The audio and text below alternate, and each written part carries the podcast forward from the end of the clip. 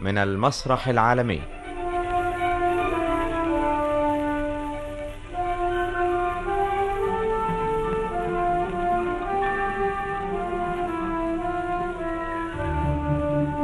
من المسرح العالمي نقدم لكم مسرحية تشيكوف الطائر البحري أو النورس عن النص الكامل الذي ترجمه إدوار الخراط.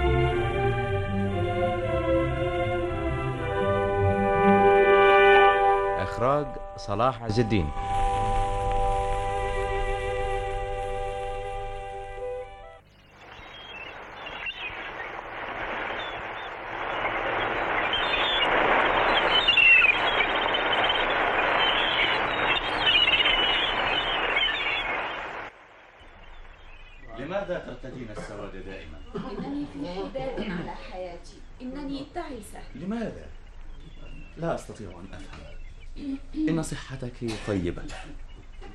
وأبوك ولو أنه ليس ثريا فهو ميسور الحال.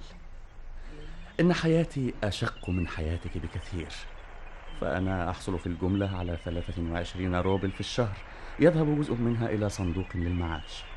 ولكني لا أرتدي الحداد. ليست المسألة مسألة نقود وحتى الفقراء بمقدورهم أن يكونوا سعداء. هذا صحيح نظريا ولكن الأمر عمليا على النحو التالي. أمي وأختان وأخ صغير وأنا. ومرتبي يبلغ في الجملة 23 روبل. ونحن نحتاج بالتأكيد أن نأكل ونشرب ونحتاج للسكر والشاي والدخان. مسألة صعبة أليس كذلك؟ آه، سوف تبدأ الحفلة وشيكا. نعم. ستقوم نينا زاريتشني بالتمثيل. والرواية من تأليف قسطنطين جافريلوفيتش. إنهما متحبان سوف تنصهر روحاهما اليوم في محاولة لإبداع صورة فنية متسقة. ولكن ليس لروحينا نحن أرض مشتركة تلتقيان فيها. إنني أحبك ولا أستطيع أن أبقى بالبيت من شوقي إليك. إنني أمشي كل يوم ستة أميال آتيا إلى هنا وستة أميال راجعا. فلا أجد منك إلا عدم الاهتمام واللامبالاة وهذا مفهوم. فلا مال عندي وأنا أعول أسرة كبيرة. من تلك التي تقبل الزواج برجل لا يكاد يكفي نفسه طعاما؟ كلام فارغ. إن حبك يمس قلبي ولكني لا أستطيع أن أرد عليه بالمثل. هذا كل ما في الأمر. إن الجو مرهق وستهب الليلة عاصفة. أنت تتفلسف دائما أو تتكلم عن النقود ولا توجد عندك كارثة أفدح من الفقر. أما في نظري فمن الأيسر ألف مرة أن يرتدي المرء هلاهيل وأن يتسول عن ولكنك لن تفهم هذا. أنا في الريف يا عزيزي لا أرتاح تماما. ومن الواضح أنني لن أعتاد أبدا على حياة الريف. الليلة الماضية. أويت إلى الفراش في العاشرة واستيقظت صباح اليوم في التاسعة وأنا أشعر من النوم الطويل كأن ذهني قد التصق بالغراء بجمجمتي إلى آخره إلى آخره. وبعد الغداء أغفيت ثانية على غير انتظار وها أنا ذا يوجعني كل موضع في جسمي كما لو كنت في كابوس وهذا مجمل الأمر باختصار. ينبغي في الحقيقة أن تعيش في المدينة. عندما تبدأ الحفلة سوف يرسلون إليكما من يدعوكما ولكن لا يصح أن تبقيا هنا الآن. أرجوكما أن تتفضلا. يا ماري إليتشنا أرجو أن تتكرمي فتطلبي من أبيك أن يفك الكلب من سلسلته. إنه لا يكف عن العواء. وأختي لم تستطع أن تذوق طعم النوم طيلة الليلة الفائتة أيضا. الأفضل أن تكلم أبي مباشرة بنفسك فلن أكلمه أنا. أرجوك لا تطلب مني ذلك. تعال هيا بنا. سوف تبعث إلينا إذا بمن يخبرنا عندما تبدأون؟ معنى ذلك أن الكلب سوف يعوي طول الليل مرة أخرى. يا له من شيء بديع. إنني لم أعرف أبدا معنى الحياة في الريف كما كنت أحب أن أعرفها. كنت معتادا أن آخذ شهر أجازة وآتي هنا لأستريح إلى آخره إلى آخره. ولكنهم كانوا يزعجونني بكل أنواع السخف. حتى كنت أتمنى العودة جريا من أول يوم. كان يسرني دائما أن أمضي من هنا. أما الآن على المعاش ولم يعد لي مكان آخر وهذا مجمل الأمر باختصار. وعلي أن أبقى هنا سواء رضيت أو كرهت. يجب أن تكونوا في أماكنكم بعد عشر دقائق. سوف نبدأ الآن وشيكا. ها هو المسرح الستار ثم الحاجز الأول والحاجز الثاني وبعد ذلك الفراغ. لا مناظر على الإطلاق. فالمسرح ينفتح من الخلف مباشرة على البحيرة والأفق. سنرفع الستار في الثامنة والنصف بالضبط عندما يكون القمر قد أشرق. عظيم! إذا تأخرت نينا فإن كل الأثر سيضيع بالطبع. آزف وقت وصولها هنا. أبوها وزوجة أبيها يرقبانها ويترصدان حركاتها. وخروجها من البيت في صعوبة الخروج من السجن إيه إن شعرك وذقنك غير مرتبين ينبغي أن تحلق شعرك أليس كذلك؟ هذه مأساة حياتي حتى في شبابي كنت أبدو دائما بمظهر السكارى إلى آخره إلى آخره ولم تكن النساء تحبني أبدا آه. ما السبب في انحراف مزاج أختي؟ ما السبب؟ إنها سأمانة وهي غيورة. إنها ضد من الآن وضد الحفلة وضد الرواية لأنها لا تمثل فيها هي بل نينا. إنها لا تعرف شيئا عن مسرحيتي على الإطلاق ولكنها تكرهها من الآن كراهة مرة. حقيقة أنت تتخيل أشياء عجيبة؟ يحنكها من الآن أن نينا هي التي ستظفر بالنجاح على هذا المسرح الصغير هنا وليست هي. إن أمي لغز سيكولوجي فلديها موهبة غير منكورة وهي ذكية ويتأتى لها أن تبكي أحيانا وهي تقرأ كتابا وهي تستطيع أن تلقي شعر نكراسوف كله عن ظهر قلب وهي ملاك عندما تقوم بالتمريض ولكن ولكن إياك أن تقول كلمة ثناء على ديوز في حضورها. هو هو. هي وحدها التي ينبغي الثناء عليها والكتابة عنها والحديث بشأنها. وينبغي ألا يملك الناس أنفسهم إعجابا بتمثيلها الفذ في غادة الكاميليا أو في دخان الحياة. ولما كان هذا الدواء المسكن لا يوجد هنا في الريف فهي تشعر بالسأم والضيق وكلنا أعداؤها واللوم يقع علينا جميعا وهي تؤمن بالخرافات أيضا وتخشى الثلاث شمعات والرقم 13 وبخيلة إنها تحتفظ بسبعين ألف روبل في بنك بأوديسا. هذه واقعة أعرفها بالتأكيد. ولكن حاول أن تطلب منها سلفة؟ سوف تنخرط في البكاء على الفور. أنت تتصور أن أمك لا تحب مسرحيتك ولذلك فأنت مضطرب إلى آخره إلى آخره. ولكن هدئ نفسك. إن أمك تعبدك. تحبني لا تحبني تحبني لا تحبني تحبني لا تحبني. أرأيت؟ أمي لا تحبني. لا. إنها تتوق لأن تحيا لأن تحب لأن تلبس بلوزات زاهية اللون. وأنا في الخامسة والعشرين من عمري وأذكرها دائما بأنها لم تعد صغيرة بعد. فإذا كنت غير موجود فهي في الثانية والثلاثين فقط. أما في حضوري فهي في الثالثة والأربعين ولذلك تكرهني. وهي تعرف أيضا أنني لا أعترف بالمسرح. إنها تهوى المسرح وتعتقد أنها تخدم الإنسانية والفن المقدس. ولكن المسرح اليوم ليس في نظري إلا مجرد روتين وخرافة. وعندما يرتفع الستار فإن هؤلاء العباقرة العظام كهنة الفن المقدس إذ يقع عليهم الضوء الاصطناعي في حجرة ذات جدران ثلاثة ويظهرون للناس كيف يأكلون ويشربون ويتحبون ويمشون ويلبسون. وعندما يحاولون اصطياد مغزى خلقي مغزى خلقي صغير سهل الفهم نافع في احتياجات الحياة اليومية يصطادونه من بين المناظر والجمل المبتذلة. وعندما يقدمون لي نفس الشيء بعينه في ألف صورة شيئا واحدا بعينه نفس الشيء. عندئذ أجري وأجري كما أخذ موباسان يجري من برج إيفل. الذي كان يثقل ذهنه بما فيه من ابتذال وسقية لا يمكن أن نستغني عن المسرح.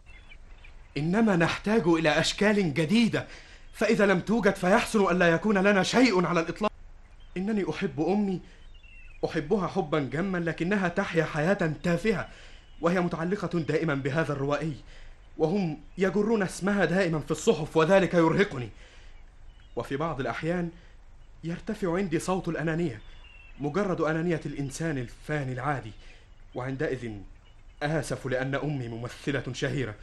ويخيل لي أنها لو كانت امرأة عادية لكنت أسعد حالا. أيمكن أن يوجد يا خالي موقف أشد يأسا وغباء فقد يكون عندها ضيوف مشهورون جميعا ممثلين وكتابا وأنا بينهم النكرة الوحيدة.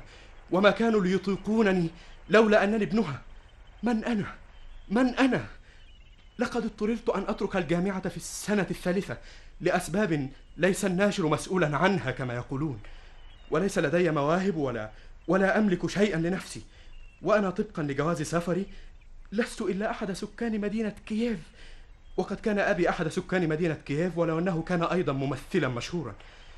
وعندما كان كل هؤلاء الممثلين والكتاب في صالونها يولونني رعايتهم الكريمة كان يخيل لي أنهم يقيسون مدى تفاهتي بنظراتهم وكنت أخمن أفكارهم وأعاني الهوان. على فكرة. قل لي من فضلك ما صنف هذا الروائي؟ إنني لا أستطيع أن أفهمه.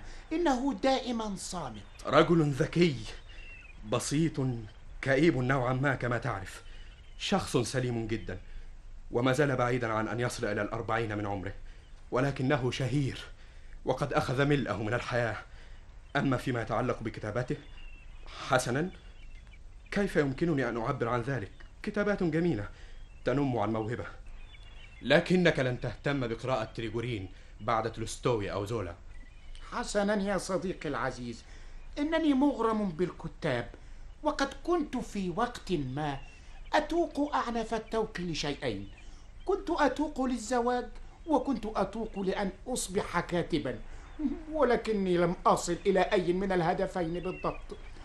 من السار أن يكون المرء حتى كاتبا صغيرا هذا مجمل الأمر باختصار. إنني أسمع وقع أقدام. إنني لا أستطيع أن أعيش بدونها بل صوت خطواتها يفتنني. إنني سعيد حتى الجنون.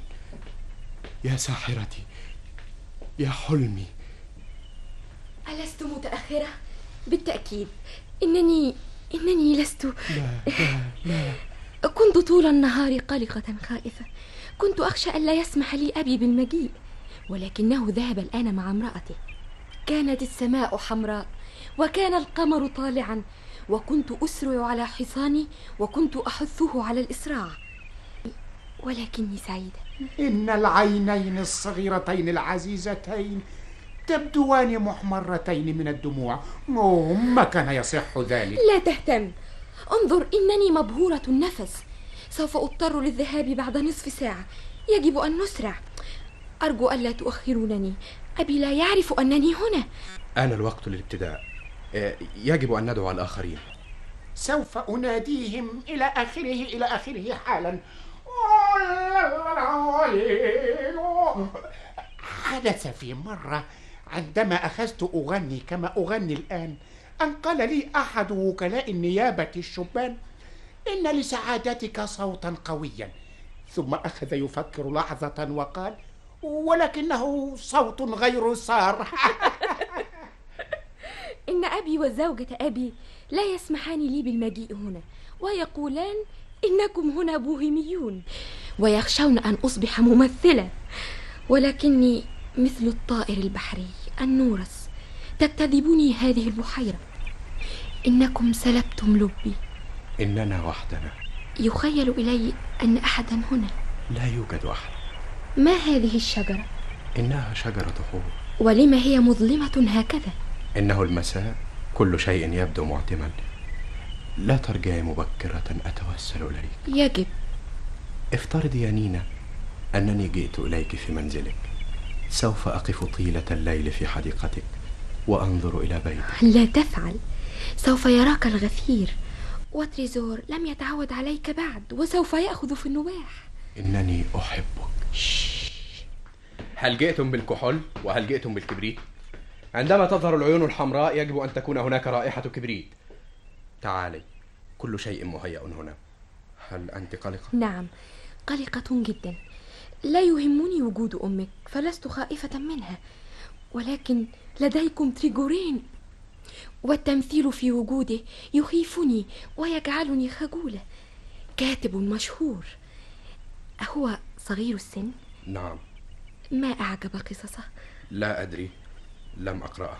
إن مسرحياتك صعبة التمثيل فليس فيها أشخاص أحياء.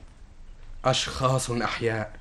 يجب ألا تمثل الحياة كما هي ولا كما ينبغي أن تكون بل كما تظهر في أحلامنا. في مسرحياتك أحداث قليلة وهي مجرد أقوال وينبغي في نظري أن تعالج المسرحيات الحب.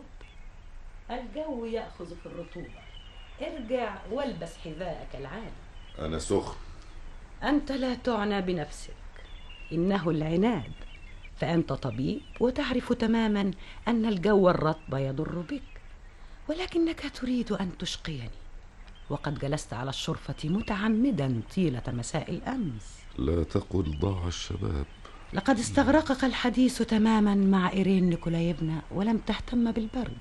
اعترف بأن لها جاذبية عليك إنني في الخامسة والخمسين. كلام فارغ. ليس هذا بالسن الكبير بالنسبة للرجل وأنت ما زلت محتفظا بشبابك بشكل ملحوظ. وما زلت جذابا للنساء؟ ماذا تقصدين؟ أنتم جميعا على استعداد للركوع على الركب أمام ممثلة ما جميعا. وأنا هنا مرة أخرى قبل أن تجيء. إذا كان المجتمع يحب الممثلين والممثلات وينظر إليهم بغير نظرته إلى التجار مثلا فذلك ما ينبغي أن يكون. تلك هي المثالية. كل النساء دائما يقعن في حبك ويتعلقن بعنقك أكان ذلك أيضا من المثالية؟ لماذا؟ لقد كان في علاقات النساء بي قدر كبير من السمو لقد كن يحببن في الطبيب البارع أساسا وأنت تتذكرين أنني منذ عشرة أو خمس عشرة سنة كنت المولد الوحيد الذي يحسن صنعته في المقاطعة كلها ثم إنني كنت دائما رجلا شريفا. يا عزيزي. هدوءا هدوءا الناس يأتون.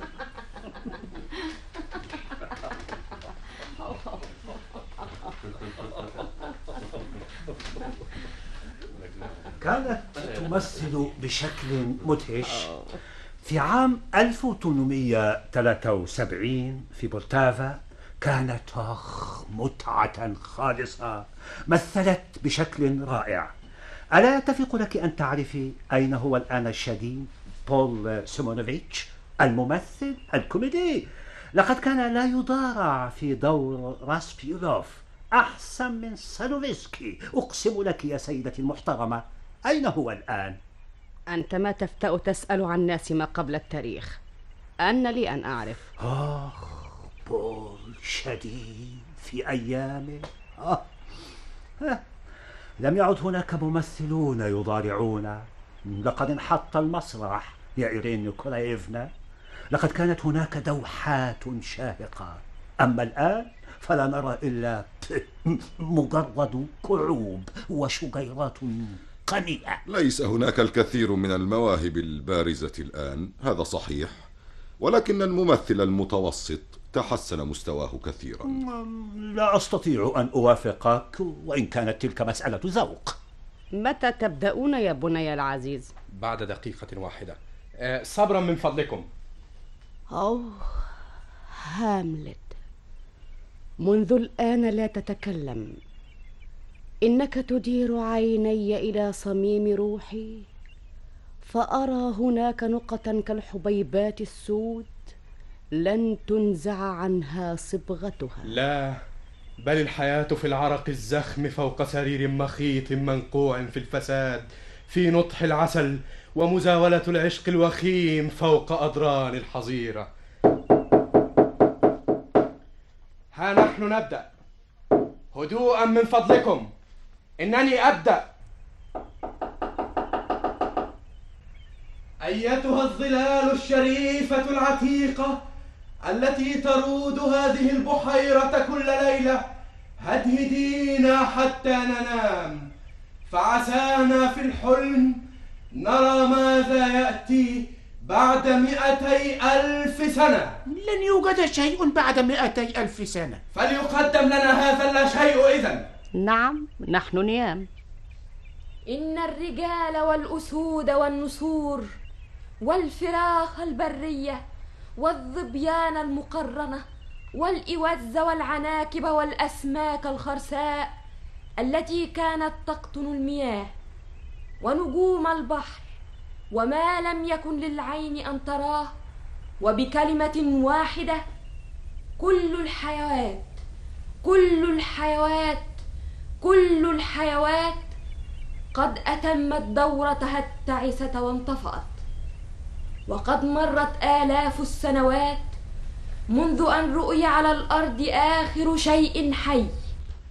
وهذا القمر المسكين يضيء مصباحه عبثا.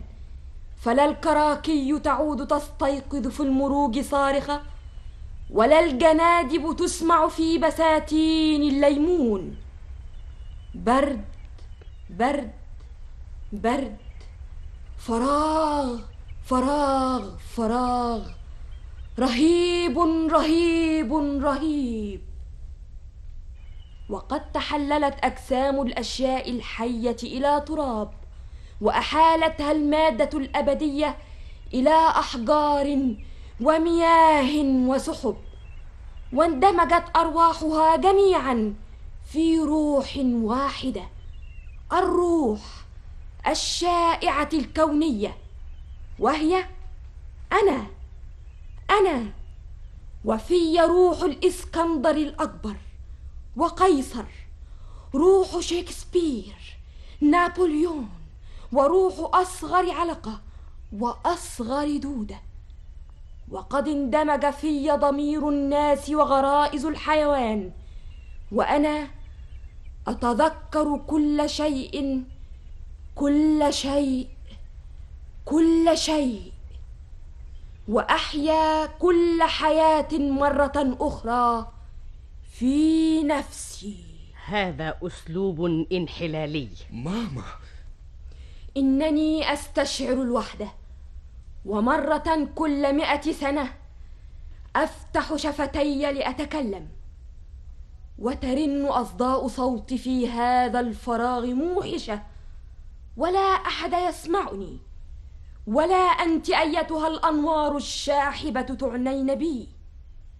أنت تتولدين عند اقتراب الصباح من المستنقع المتعفن وتهيمين قبل الفجر دون فكر دون إرادة دون نبضة الحياة. وخشية أن تظهر فيك الحياة لا يعني الشيطان أبو المادة الأبدية يجري فيك دون أن يكف لحظة تبادلا بين الذرات كما يجري تبادل الذرات في الأحجار والمياه. وأنت تتغيرين بلا توقف ولا تبقى إلا الروح وحدها. في الكون دائمة لا تقبل التغيير. مثل سجين ملقا به في جب خاو عميق. لست أعرف أين أنا ولا ماذا ينتظرني إلا أن شيئا واحدا لا يخفاني هو أنني في صراعي العنيف الوحشي مع الشيطان مبدأ القوى المادية مقدر لي النصر وبعدئذ تندمج المادة والروح في تناسق كامل وتبدأ مملكة الإرادة الكونية. ولكن ذلك لن يتأتى إلا بعد أن يستحيل القمر والشعر اليمانية اللامعة والأرض إلى تراب شيئا فشيئا خلال آلاف متعاقبة من السنين. الطوال الطوال. وإلى أن يأتي ذلك؟ الرهبة الرهبة. آه هذا هو خصمي. الجبار يقترب. الشيطان. إنني أرى عينيه المشتعلتين بنيران الخوف. هذه يد.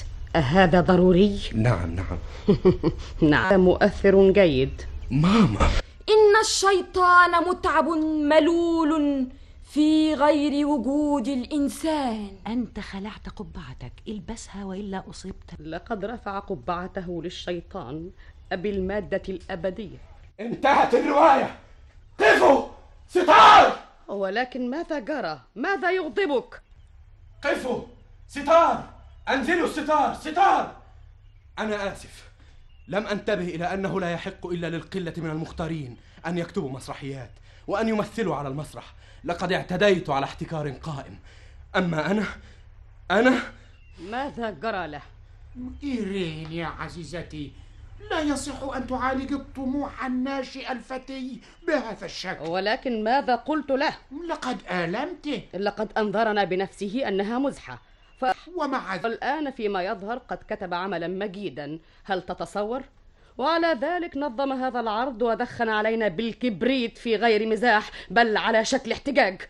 لقد كان يريد أن يعطينا درسا في كيفية تمثيل المسرحيات. أوه هذا ممل متعب. ومهما قلت فهذه الانفجارات المستمرة ضدي هذه الوخزات التي لا تكف.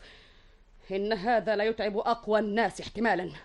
ولد أناني طاش. إنما كان يقصد أن يدخل عليك السرور.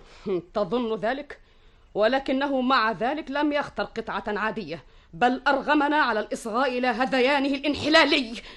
إنني مستعدة أن أسمع حتى للهذيان إذا كان الأمر مزاحا. كل واحد يكتب حسب رغباته ومقدرته. دعه يكتب حسب رغباته ومقدرته لكن ليتركنا في سلام. أوه جوبيتر إنك لغاضبة إنني لست جوبيتر إنني امرأة ولست غاضبة بل يضايقني أن شابا يضيع وقته بهذا الغباء.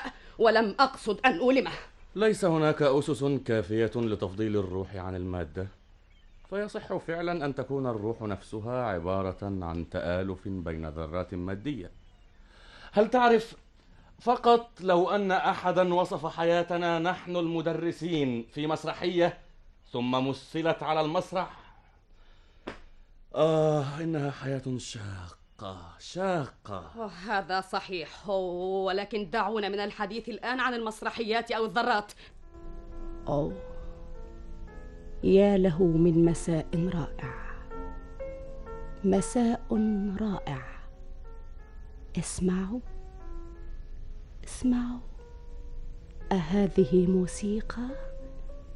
ما أجمل ذلك؟ إنه هناك على الجانب الآخر. اجلس بجانبي.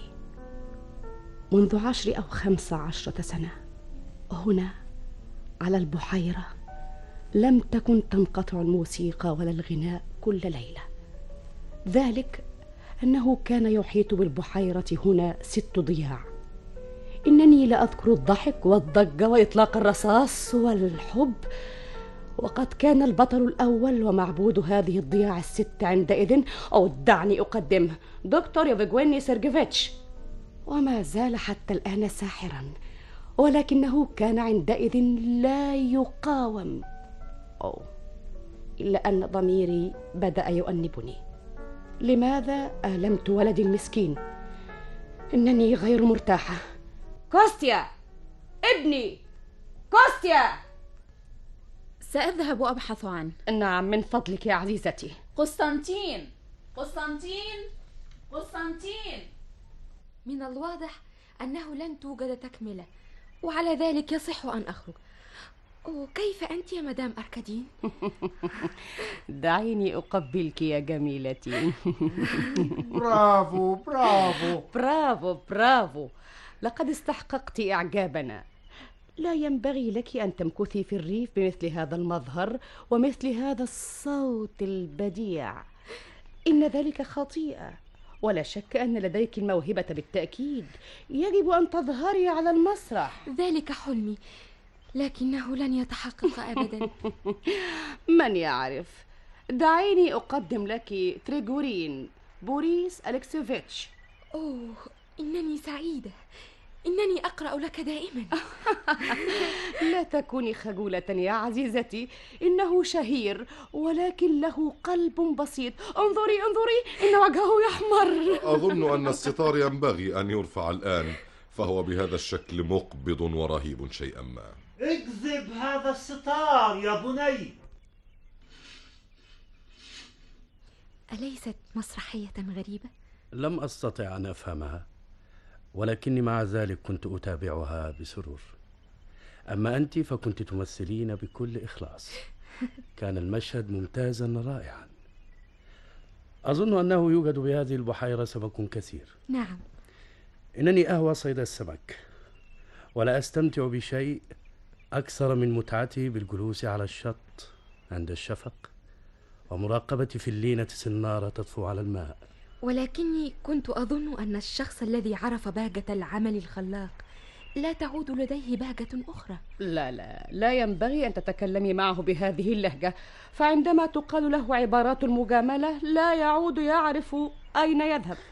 أذكر مرة في موسكو في الأوبرا أن بدأ سيلفا المغني المشهور يغني في الدو minor.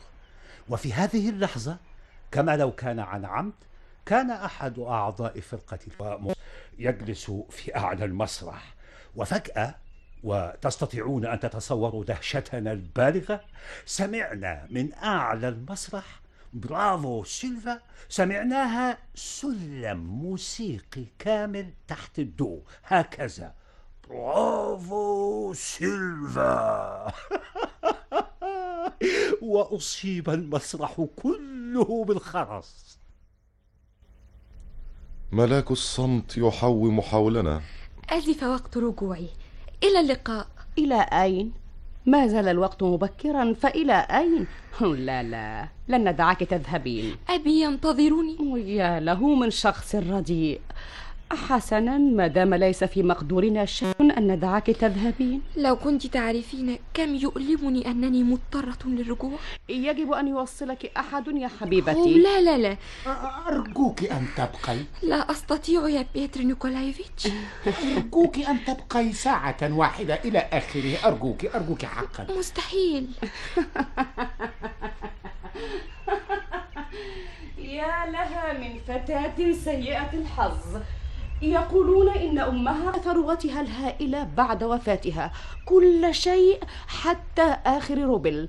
وهذه الفتاة المسكينة لم يبق لها شيء الآن. فأبوها قد حول كل شيء إلى زوجته الثانية. أوه إن هذا يثير الغيظ. نعم نعم إن أباها حيوان تماما. لا بأس. هيا بنا ندخل جميعا. إن الجو يزداد رطوبة وساقي تؤلمانني يظهر أن ساقيك مصنوعتان من الخشب إنها لا تكادان تتحركان. أوه هيا بنا ندخل أيها الشيء العجوز المسكين. سيدتي. وها أنا ذا أسمع الكلاب تعوي ثانية أرجوك من فضلك أطلب منهم أن يفكوا الكلاب من السلسلة. لا لا لا يمكن يا بيتر نيكولايفيتش. إنني أخاف من اللصوص الذين قد يدخلون إلى مخزن الغلال فالذرة كلها هناك.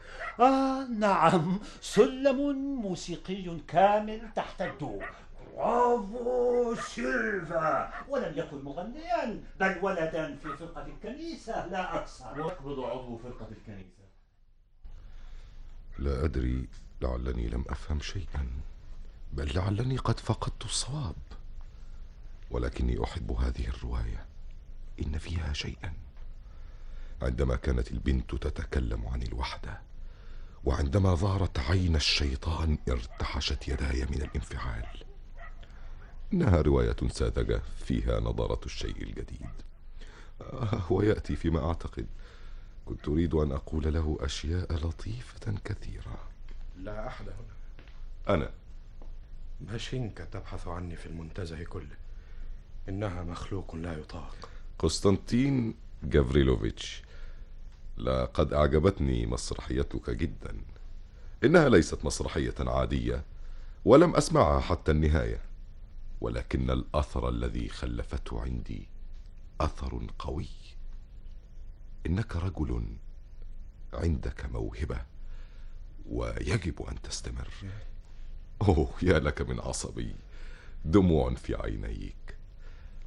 كنت أريد أن أقول إنك أخذت موضوعا من ميدان الأفكار المجردة وذلك ما ينبغي. فالعمل الفني يحتاج أن يعبر عن فكرة ما فكرة عظيمة وليس جميلا إلا ما هو جدي. أوه ما أشد شحوبك؟ إذا إذا فأنت تقول أستمر؟ بالتأكيد قدم لنا ما هو هام وأبدي. لقد كانت لي خبرات متنوعة كما تعرف وقد استمتعت بها وأنا راض قانع. ولكن إذا قدر لي أن أعرف تسامي الروح الذي يعرفه المرء في لحظات الخلق فأعتقد أنني كنت أحتقر ردائي المادي وكل ما يتصل به. أعتقد أنني كنت أحلق إلى أعال بعيدة عن الأرض. إنني آسف. أين نينا؟ ثم هناك شيء آخر. يجب أن توجد في العمل فكرة واضحة محددة ويتحتم عليك أن تعرف ما هدفك من الكتابة وإلا فأنت إذا تتبعت الطريق المغري بصوره الجميله دون أن يكون لك هدف محدد فسوف تضل طريقك. وسوف تحطمك موهبتك. أين نينا؟ رجعت إلى بيتها. ماذا أفعل؟ أريد أن أراها. يجب أن أراها. سوف ألحق بها. هدوءا هدوءا يا صديقي. لا سوف ألحق بها. يجب أن ألحق بها. عد إلى البيت يا قسطنطين جافريلوفيتش إن أمك تنتظرك إنها قلقة. أخبريها أنني مضيت. وأرجوكم أن تتركوني جميعا. اتركوني جميعا. لا تتبعوني. تعال تعال يا صديقي. لا يصح. ليس هذا مما يليق. وداعا يا دكتور. أشكرك. الشباب. الشباب. أنتم تهتفون عادة. الشباب الشباب عندما لا تجدون ما يقال. هذا شنيع. يخيل لي أنني أسمع موسيقى في البيت. يحسن أن ندخل. انتظر لحظة. لماذا؟ أريد أن أخبرك. مرة واحدة مرة أخيرة أريد أن أتكلم. إنني لا أحب أبي ولكن قلبي يميل إليك. إنني أشعر بشكل ما بكل روحي أنك قريب إلي. ساعدني ساعدني. وإلا ارتكبت حماقة ما وأفسدت حياتي. سوف أفسد كل شيء. لا أقوى على الاستمرار بعد الآن. أساعدك فيما؟ بأي شكل؟ إنني أتألم ولا أحد يعرف ألمي. إنني إنني أحب قسطنطين. شد ما أنتم عصبيون جميعا. شد ما أنتم عصبيون جميعا. يا لكل هذا الحب أيتها البحيرة المسحورة. ولكن ماذا يمكنني أن أفعل لك يا طفلتي؟ ماذا؟ ماذا؟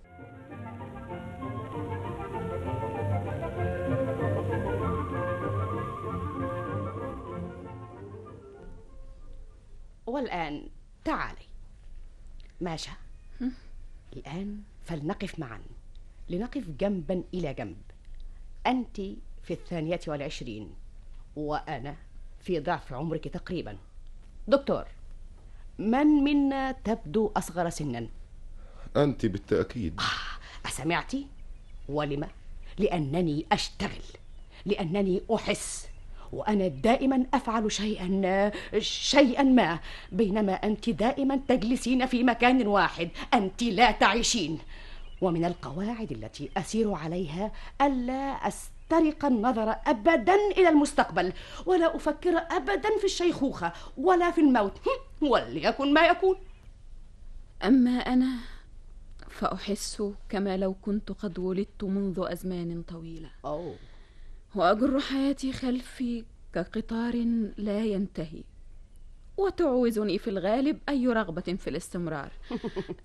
بالطبع هذا كله هراء ويجب أن ينفض المرء نفسه ويلقي عنها كل ذلك بعيدا. أخبريها يا زهوري. وأنا دقيقة التصرف أيضا كما لو كنت من الإنجليز.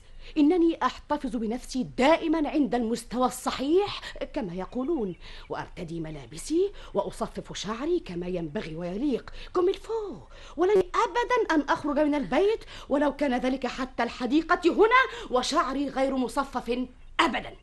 إنني أحتفظ بجمالي لأنني لم أستسلم أبدا للإهمال ولم أرخي الحبل لنفسي أبدا كما يفعل البعض؟ ها أنتم ترونني في نشاط كتكوت. إنني أستطيع أن ألعب دور فتاة في الخامسة عشرة. طيب وبالرغم من ذلك سوف أستمر في القراءة. وقفنا في قراءتنا عند تاجر القمح والفيران. والفيران والفيران استمر استمر. ولكن دعني أنا أقرأ دعني أنا أقرأ. إنه دوري دوري. ها هي. وواضح أنه من الخطر أن يأخذ المجتمع الراقي في تدليل الروائيين وأن يضمهم إليه بقدر ما هناك من الخطر على تاجر القمح أن يربي الفيران في مخازنه. ولكن الناس يطاردون الروائيين. فإذا اختارت امرأة لنفسها كاتبا تريد أن تأسر قلبه حاصرته بالمجاملات وبالتملق وأسدت إليه الأيادي البيضاء. أو قد يكون هذا صحيحا بالنسبة للفرنسيين ولكن لا صحة لشيء من ذلك عندنا هنا. فليس لدينا خطة مرسومة على الإطلاق. وعندما تحاول امرأة من عندنا أن تأسر قلب كاتب ما فلا بد أن تكون قد غرقت في هواه حتى الآذان. أوه ولا داعي للذهاب بعيدا. خذوني مثلا أنا وترجرين نعم نعم عندنا أخبار طيبة. نحن اليوم سعداء. لقد ذهب الأب وزوجته إلى تفير ونحن الآن أحرار ثلاثة أيام بأكملها. نينا كم أنا سعيدة. إنني الآن لكم. إنها اليوم مخلوق صغير لطيف. أوه. أنيقة الملبس. جذابة. أنت الآن فتاة ذكية ولكن احترسي لا تتركي الناس يغرقونك بالثناء حتى لا تصيبك العين أين بوريس أليكسيفيتش؟ في خيمة الاستحمام يصطاد وكيف لا يسأم ذلك؟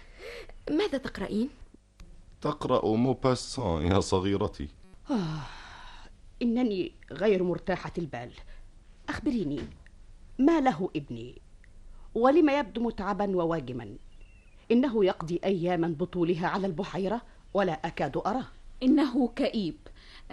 أرجو أن تقرأي لي فقرة من روايته. أتريدين حقا أن أقرأ لك شيئا منها؟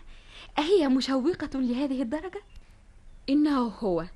عندما يقرأ شيئا بنفسه تومض عيناه ويصفر وجهه وله صوت جميل حزين وأسلوبه في الإلقاء أسلوب شاعر. مساء الخير. نبروشا أنت نمت؟ أبدا. أنت لا تسمع نصائح الأطباء وذلك خطأ يا أخي. يسرني أن أسمع نصائحهم حقا ولكن ها هو الدكتور مثلا إنه لا يقول شيئا. أنت في الستين من عمرك وتطلب النصيحة. حتى عندما يكون المرء في الستين فهو يود مع ذلك أن يعيش. طيب خذ نقط فاليريان. يحسن به فيما أعتقد أن يذهب إلى بلد للمياه المعدنية. صحيح. قد يجوز وقد لا يجوز. أوه وكيف نعرف؟ نعرف ماذا؟ ذلك واضح. يجب أن يقلع بيتر نيكولايفيتش عن التدخين. كلام فارغ. لا ليس هذا مجرد كلام فارغ. إن السجاير والخمر تسرق شخصيتك وبعد أن تشرب سيجارا وتتناول كأسا من الفودكا لا تعود بيتر نيكولايفيتش. بل تصبح بيتر نيكولايفيتش زائدا شخصا آخر. والأنا تتحلل لديك فإذا بك تعتبر نفسك شخصا ثالثا. هو. جميل جدا أن تتكلموا الآن فقد استمتعتم بحياتكم أنتم. ولكن أنا لقد اشتغلت في المحاكم ثمانية وعشرين سنة ولكني لم أعرف الحياة. لم أجرب شيئا. هذا مجمل الأمر باختصار. ومن الطبيعي جدا أنني أريد أن أحيا. أنتم قد شبعتم ومللتم ولا يهمكم شيء. لذلك تحبون أن تتفلسفوا. لكني أنا أنا أريد أن أحيا. لذلك أتناول الشري على العشاء وأدخن السيجار إلى آخره إلى آخره. هذه هي المسألة. يجب أن يأخذ المرء الحياة على محمل الجد ومن الصبياني ومعذرة. أن يبدأ المرء علاجا طبيا في الستين من عمره وأن يأخذ في الأسف لأنه لم يستمتع بحياته في الشباب. لا بد أن وقت الغداء قد حان. أوه إنني أشعر بتصلب في ساقي. أنا ذاهبة إلى المنزل. ذهبت لتأخذ كأسين قبل الغداء. المسكينة لا تشعر بشيء من السعادة الشخصية. كلام فارغ. كلام فارغ يا صاحب السعادة. إن منطقك منطق رجل شبعان. أيمكن أن يوجد ما هو أشد إملالا من هذا الملل الحلو في الريف؟ الدنيا حر ولا أحد يعمل شيئا بل الكل يتفلسفون.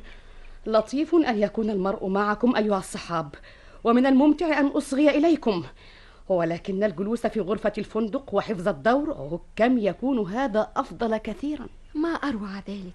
إنني أفهمك. طبعا في المدينة أفضل من هنا. يجلس المرء في مكتبه والخادم لا يسمح لأحد بالدخول قبل أن يعلن اسمه والتليفون وحركة المرور في الشوارع إلى آخره إلى آخره. أخبريها يا زهوري. ها ها هم هنا. نهاركم سعيد.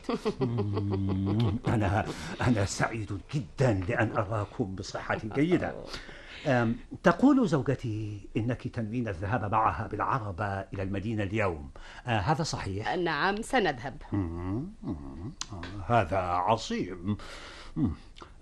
ولكن كيف تصلان إلى هنا يا سيدتي المحترمة؟ نحن اليوم نحمل الشعير آه، والعمال كلهم مشغولون. آه، وهل تسمحين لي بالسؤال؟ أي الجياد ستأخذانها معكما؟ أي الجياد؟ كيف لي أن أعرف أيها؟ أليس عندنا جياد للعربات؟ جياد للعربات؟ ومن أين آتي بالرقبيات للجياد؟ من أين آتي بالرقبيات؟ هذا مدهش هذا لا يتصور.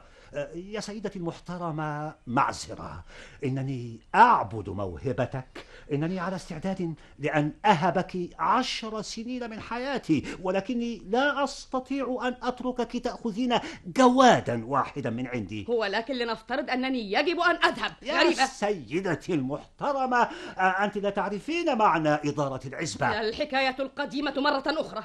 في هذه الحال سأعود إلى موسكو اليوم بالذات. قل لهم أن يؤجروا جيادا من القرية.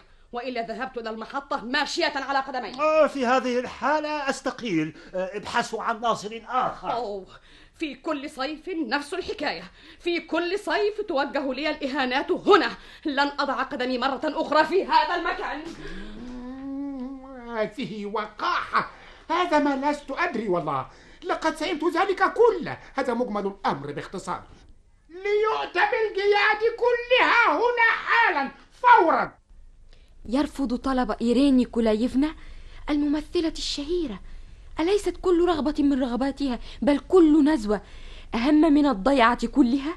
ذلك بكل بساطة لا يصدق. ماذا أستطيع أن أفعل؟ ضعي نفسك في مكاني. ماذا أستطيع أن أفعل؟ تعالي. دعينا نذهب إلى أختي. سوف نرجوها كلنا ألا تذهب عنا. أليس كذلك؟ شمريف رجل لا يطاق. طاغية. لا تنهض. سوف نذهب بك معنا هناك. أوه يا للفظاعة نعم نعم هذا فظيع لكنه لن يستقيل. سوف أكلمه في ذلك شخصيا. هؤلاء الناس متعبون. ويجب في الواقع أن يطرد زوجك من هنا كلية. ولكن المؤكد أن ينتهي الأمر بأن تذهب هذه المرأة العجوز وبيتر نيكولايفيتش وأخته ليعتذروا إليه جميعا. سوف ترين. وهو لم يرسل جياد العربات إلى الحقول. وكل يوم يقع سوء تفاهم من هذا النوع. آه لو تعرف كم يزعجني ذلك كله. إنني مريضة كما ترى. إنني أرتعش. لا أستطيع أن أحتمل فظاعته. يفجوني عزيزي حبيبي خذني بعيدا. إن الوقت يفوت ولم نعد صغارا بعد. لو استطعنا حتى في نهاية حياتنا أن نتجنب هذا التخفي وهذا الزيف. إنني في الخامسة والخمسين لقد فات الوقت ليغير المرء من حياته. إنني أعرف أنك ترفضني لأنه توجد نساء أخريات بجانبي يتعلقن بك. أنت لا تستطيع أن تأخذهن جميعا. إنني أفهم. سامحني. إنني أسئمك. لا لا أبدا. آه، إنني أقاسي من الغيرة. أنت بالطبع طبيب ولا تستطيع أن تتجنب النساء. إنني أفهم. هذا أنت يا نينا.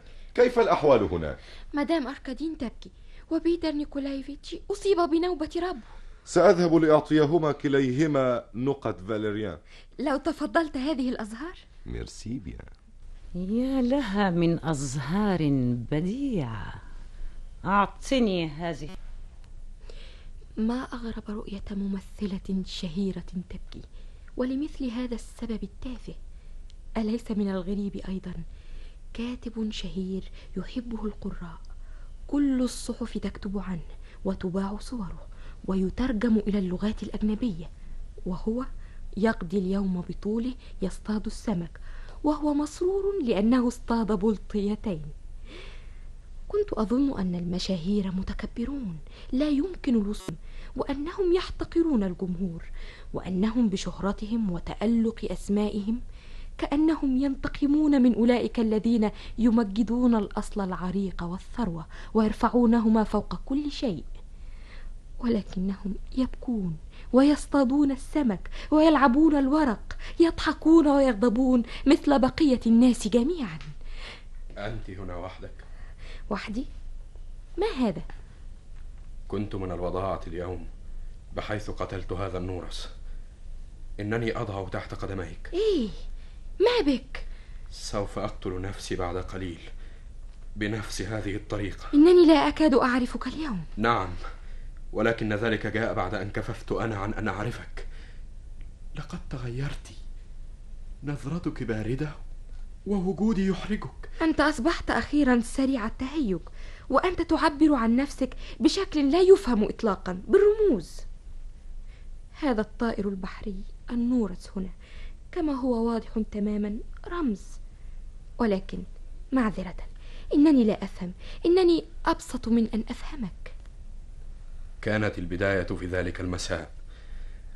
عندما ظهر أن مسرحيتي ليست إلا فشلا ذريعا والنساء لا يصفحن عن الفشل. ها؟ لقد أحرقت كل شيء كل شيء حتى آخر ورقة. لو تعرفين كم أنا شقي. إن برودك بإزائي مخيف لا يصدق.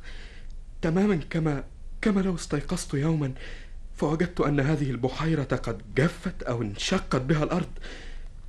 لقد قلت الآن إنك أبسط من أن تفهميني. أوه! ماذا هناك حتى تفهمي؟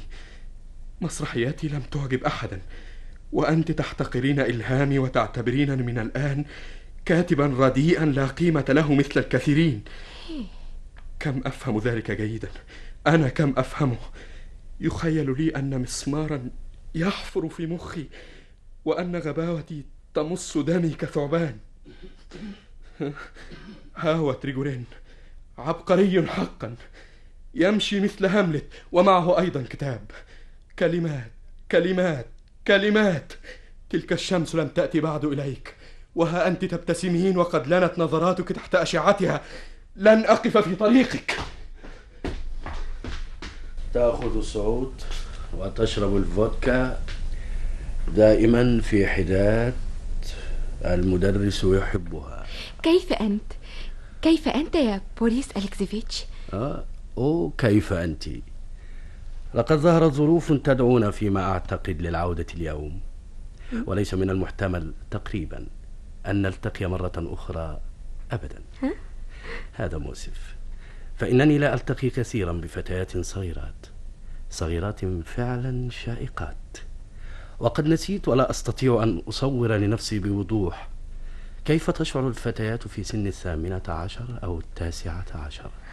ولذلك فالفتيات الصغيرات في رواياتي لسن حقيقيات في العادة إنني أحب أن أكون في مكانك ولو ساعة واحدة حتى أتعلم كيف تفكرين وأي نوع من الناس أنت بصفة عامة وأنا أحب أن أكون في مكانك لماذا؟ حتى أعرف كيف يشعر كاتب شهير موهوب وما هو الإحساس بالشهرة كيف تؤثر عليك شهرتك شهرتي؟ ها؟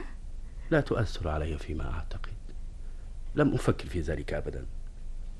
أحد أمرين إما أنك تبالغين في شهرتي أو أن شهرتي لا تؤثر في إطلاقا. وعندما تقرأ عن نفسك عندما يثنون علي شعور صار ولكنهم إذا شتموني فإني أشعر بضيق يومين كاملين بعد ذلك. يا له من عالم عجيب. لو تعرف كم أحسدك. ما أشد اختلاف اقدار الناس. فبعضهم لا يكادون يفعلون شيئا إلا أن يجروا وراءهم وجودا مملا مغمورا. كلهم سواء كلهم أشقياء. أما الآخرون أما أنت مثلا وهم واحد في المليون فقد أعطيت لهم حياة شائقة مجيدة مليئة بالمعاني والدلالات. أنت سعيد. أنا؟ أنت تتكلمين الآن عن الشهرة والسعادة وعن حياة مجيدة شائقة ولكن هذه كلها بالنسبة لي ليست إلا كلمات لطيفة وعفوا مثل الملبن تماما وأنا لا أكل الملبن أبدا أنت صغيرة جدا عطوفة جدا إن حياتك حياة عظيمة رائعة لماذا؟ ما هو الرائع فيها بالذات؟ أو يجب أن أذهب فورا لأكتب معذرة. إنني مشغول لقد اقتحمت ميداني المفضل وها أنا ذا أشعر بالقلق والحنق شيئا ما. ومع ذلك فلنتكلم فلنتكلم عن حياة العظيمة المجيدة. من أين نبدأ؟ إن هنالك أفكارا متملكة تراود المرء ترغمه أن يذهب ليل نهار يفكر في القمر مثلا. ولي أنا أيضا قمري. تغلبني على أمري ليل نهار فكرة مقلقة واحدة. يجب أن أكتب. يجب أن أكتب. يجب. وما أكاد أنتهي من رواية طويلة حتى يجب أن أكتب رواية أخرى بأي شكل. وثالثة وبعد الثالثة رابعة أكتب دون توقف كما لو كنت أسافر بأقصى سرعة ولا أملك من أمري إلا أن أفعل ذلك. أين العظمة والمجد في هذا؟ إنني أسألك. يا لها من حياة جنونية.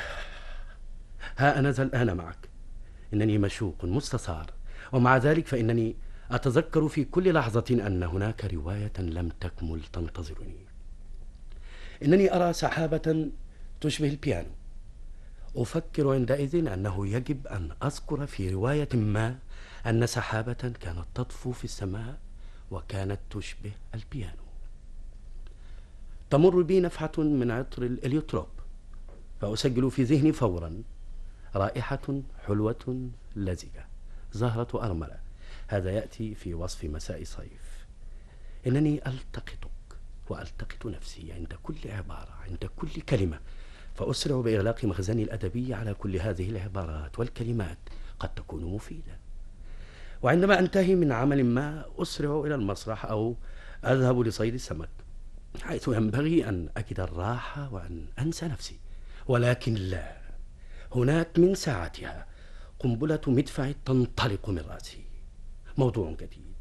من ساعتها أندفع إلى المكتب ويجب عندئذ أن أسرع مرة أخرى إلى الكتابة إلى الكتابة هكذا باستمرار دون نهاية ولا راحة لي من نفسي. إنني أشعر أنني ألتهم حياتي نفسها. أنني أجرد أحسن أزهاري من أوراقها في سبيل العسل الذي أعطيه لشخص ما في الفراغ أشعر بأنني أنزع هذه الأزهار نفسها وأطأ جذورها ألست مجنونا؟ أيتصرف أصحابي ومعارفي معي كما يتصرفون مع شخص عاقل؟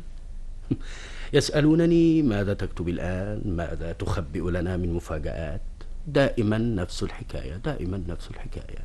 ويخيل لي أن اهتمام المعارف وثناءهم وإعجابهم أن ذلك كله خداع. يخيل لي أنهم يخدعونني كما يخدعون مريضا. بل أخشى أحيانا أن يتسللوا من خلفي فجأة ويقبضوا علي ويحملوني كما فعلوا مع بوبرشين في رواية جوجول إلى مستشفى المجانين. في تلك السنوات سنوات الشباب أحسن سنوات العمر. عندما كنت ناشئا كانت مهنة الكتابة عذابا واحدا متصلا. فالناشئ عندما لا يكون حسن الحظ بالخصوص يبدو لنفسه مضطربا محرجا قليل الحيلة زائدا عن الحاجة وهو ينجذب بشكل لا يقاوم. أعصابه متوترة ممزق ألف قطعة. ينجذب إلى أولئك الذين يهتمون بالأدب والفن حيث يلقى التجاهل ولا يلقي إليه أحد بالا وهو يخشى أن ينظر إلى عيون الناس بجرأة. تماما مثل مقامر عتيد لا مال لديه. لم أكن قد عرفت قرائي ولكنهم بشكل ما كانوا يتمثلون في خيالي غير ودودين يسيئون الظن بي. كنت أخشى الجمهور. كان يخيفني فعلا. وعندما كنت أضطر لإخراج مسرحية جديدة كان يخيل لي أن الناس جميعا في الظلمة معادين لي وأن هؤلاء الذين يقع عليهم النور يجلسون في غير اهتمام في برود. كم كان ذلك فظيعا أي عذاب؟ لكن من المؤكد أن الإلهام وعملية الخلق نفسها تعطيك لحظات سعيدة عالية. نعم عندما أكتب أحس شعورا سارا وقراءة البروفات سارة أيضا ولكن ما أن يخرج هذا الشيء إلى النور حتى لا أكاد أطيقه. وأرى على الفور أنه ليس ما أريد. أرى أنه خطأ أنه لم يكن ينبغي أن يكتب إطلاقا.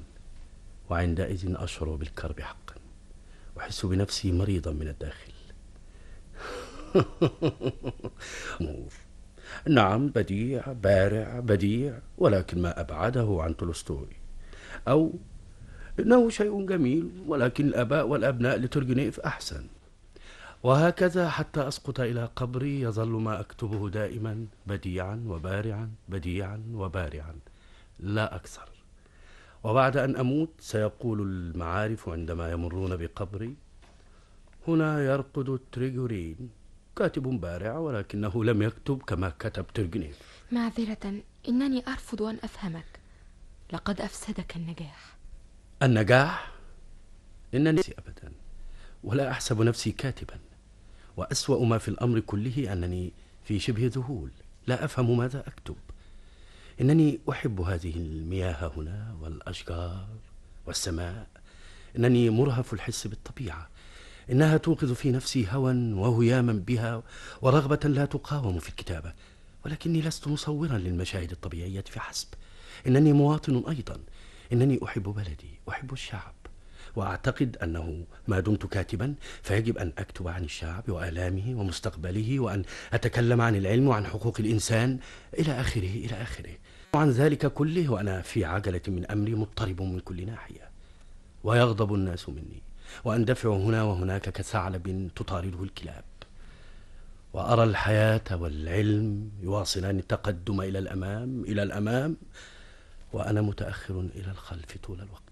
حين جاء المحطة متأخرا فلم يلحق بالقطار. وفي النهاية أشعر أنه ليس في مقدوري إلا أن أكون كاتب مشاهد طبيعية. لا أكثر وأنني في كل ما عدا ذلك زائف وزائف حتى نخاع عصمي. لقد اشتغلت أشق مما ينبغي وليس لديك لا الوقت ولا الرغبة في أن تتحقق من دلالتك وقيمتك ولعلك غير راض عن نفسك. ولكنك بالنسبة للآخرين عظيم ومجيد لو أنني كنت كاتبة مثلك لوهبت حياتي كلها للناس وحرصت ألا تكون سعادتهم إلا في أن يرتفعوا دائما في مستواي وأن يربطوا أنفسهم إلى عجلتي عجلة؟ ماذا؟ هل أنا أجاممنون؟ في سبيل الحصول على سعادة أن أكون كاتبة أو ممثلة كنت أحتمل عدم مبالاة من يحيطونني والفقر وحبوط الآمال وأعيش في غرفة حقيرة ولا آكل إلا الخبز الأسود وأعاني من سخطي على نفسي ومن ادراكي بما في من نقص. ولكني كنت أطالب في مقابل ذلك بالشهرة الشهرة الحقيقية الرنانة. إنني إنني أشعر بدوار. بوريس ها هم يطلبونني. لابد أن ذلك لتحضير الحقائب. ومع ذلك فلا رغبة عندي في الذهاب. يا للجمال في ذلك كله. عجيب. هل ترى ذلك البيت والبستان على الجانب الآخر؟ نعم. إنه قصر أمي. لقد ولدت هناك وقضيت حياتي كلها حول هذه البحيرة وأنا أعرف كل جزيرة فيها. هذا مكان جميل. ما هذا؟ طائر بحري. نورس قتله قسطنطين. طير جميل. أنا لا أريد في الحقيقة أن أسافر؟ حاولي أن تقنعي إيرين نوكلايفنا بالبقاء. ها؟ ماذا تكتب؟ آخذ مذكرة. لقد أبرق في ذهني موضوع. موضوع لقصة قصيرة. على شواطئ بحيرة. فتاة صغيرة مثلك. عاشت منذ طفولتها وهي تحب البحيرة كما لو كانت هي نفسها نورسا. وهي سعيدة وحرة كما لو كانت نورسا. ولكن رجلا يأتي بالصدفة يراها فيقضي عليها دون تورع. كهذا النورس هنا. أين أنت؟ أنا ذا أنا قادم إليك. أنا قادم. أوه. ماذا هناك؟ سوف نبقى إنه حلم. إنه حلم. إنه حلم.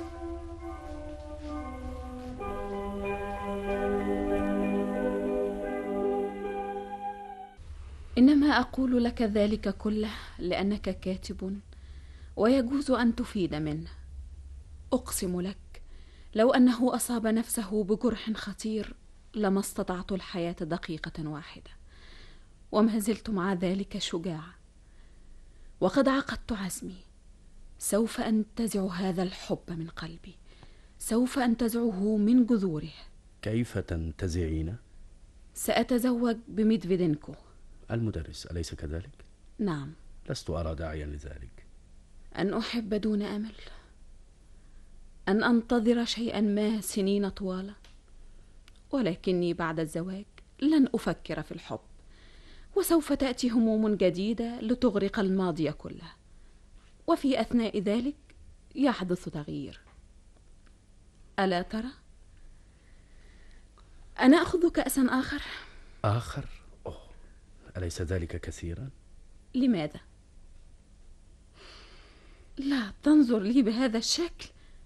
النساء يشربن أكثر مما تظنون والأقلية منهن يشربن علنا. أما الغالبية فيشربن خلسة. هذه هي المسألة. ودائما فودكا أيضا أو كونياك. في صحتك أنت رجل طيب وأنا آسفة لأننا سنفترق. أنا شخصيا لا أريد السفر. خليها تبقى. لا لن تبقى هذه المرة. إن ابنها يتصرف بغاية عدم الذوق. أولا يحاول أن يطلق النار على نفسه. والآن كما يقولون سوف يتحداني للمبارزة. ولماذا؟ إنه لا يفعل إلا أن يشهق ويصفر وينادي بأشكال جديدة ولكن هناك بالتأكيد مجالا لكل من الجديد والقديم فما الداعي لأن نتدافع؟ نعم والغيرة أيضا. ومع ذلك فليس هذا من شأني. إذا ستتزوجين هذا المدرس ميدفيدينكو. إن ميدفيدينكو ليس بارع الذكاء. ولكنه رجل طيب وفقير وهو يحبني جدا. إنني آسفة له وآسفة لأمه العجوز. لا بأس. اسمحوا لي بأن أرجو لكم كل خير واذكروني أيضا بالخير. إنني ممتنة جدا لصداقتك. وأرجو أن ترسل لي حقا كتبك مع توقيعك عليها من فضلك. ولكن لا تكتب مع غاية احترامي بل اكتب ما يلي ببساطة. إلى ميري شخص لا أهمية له يعيش في هذا العالم دون سبب معروف. وداعا. إلى اللقاء.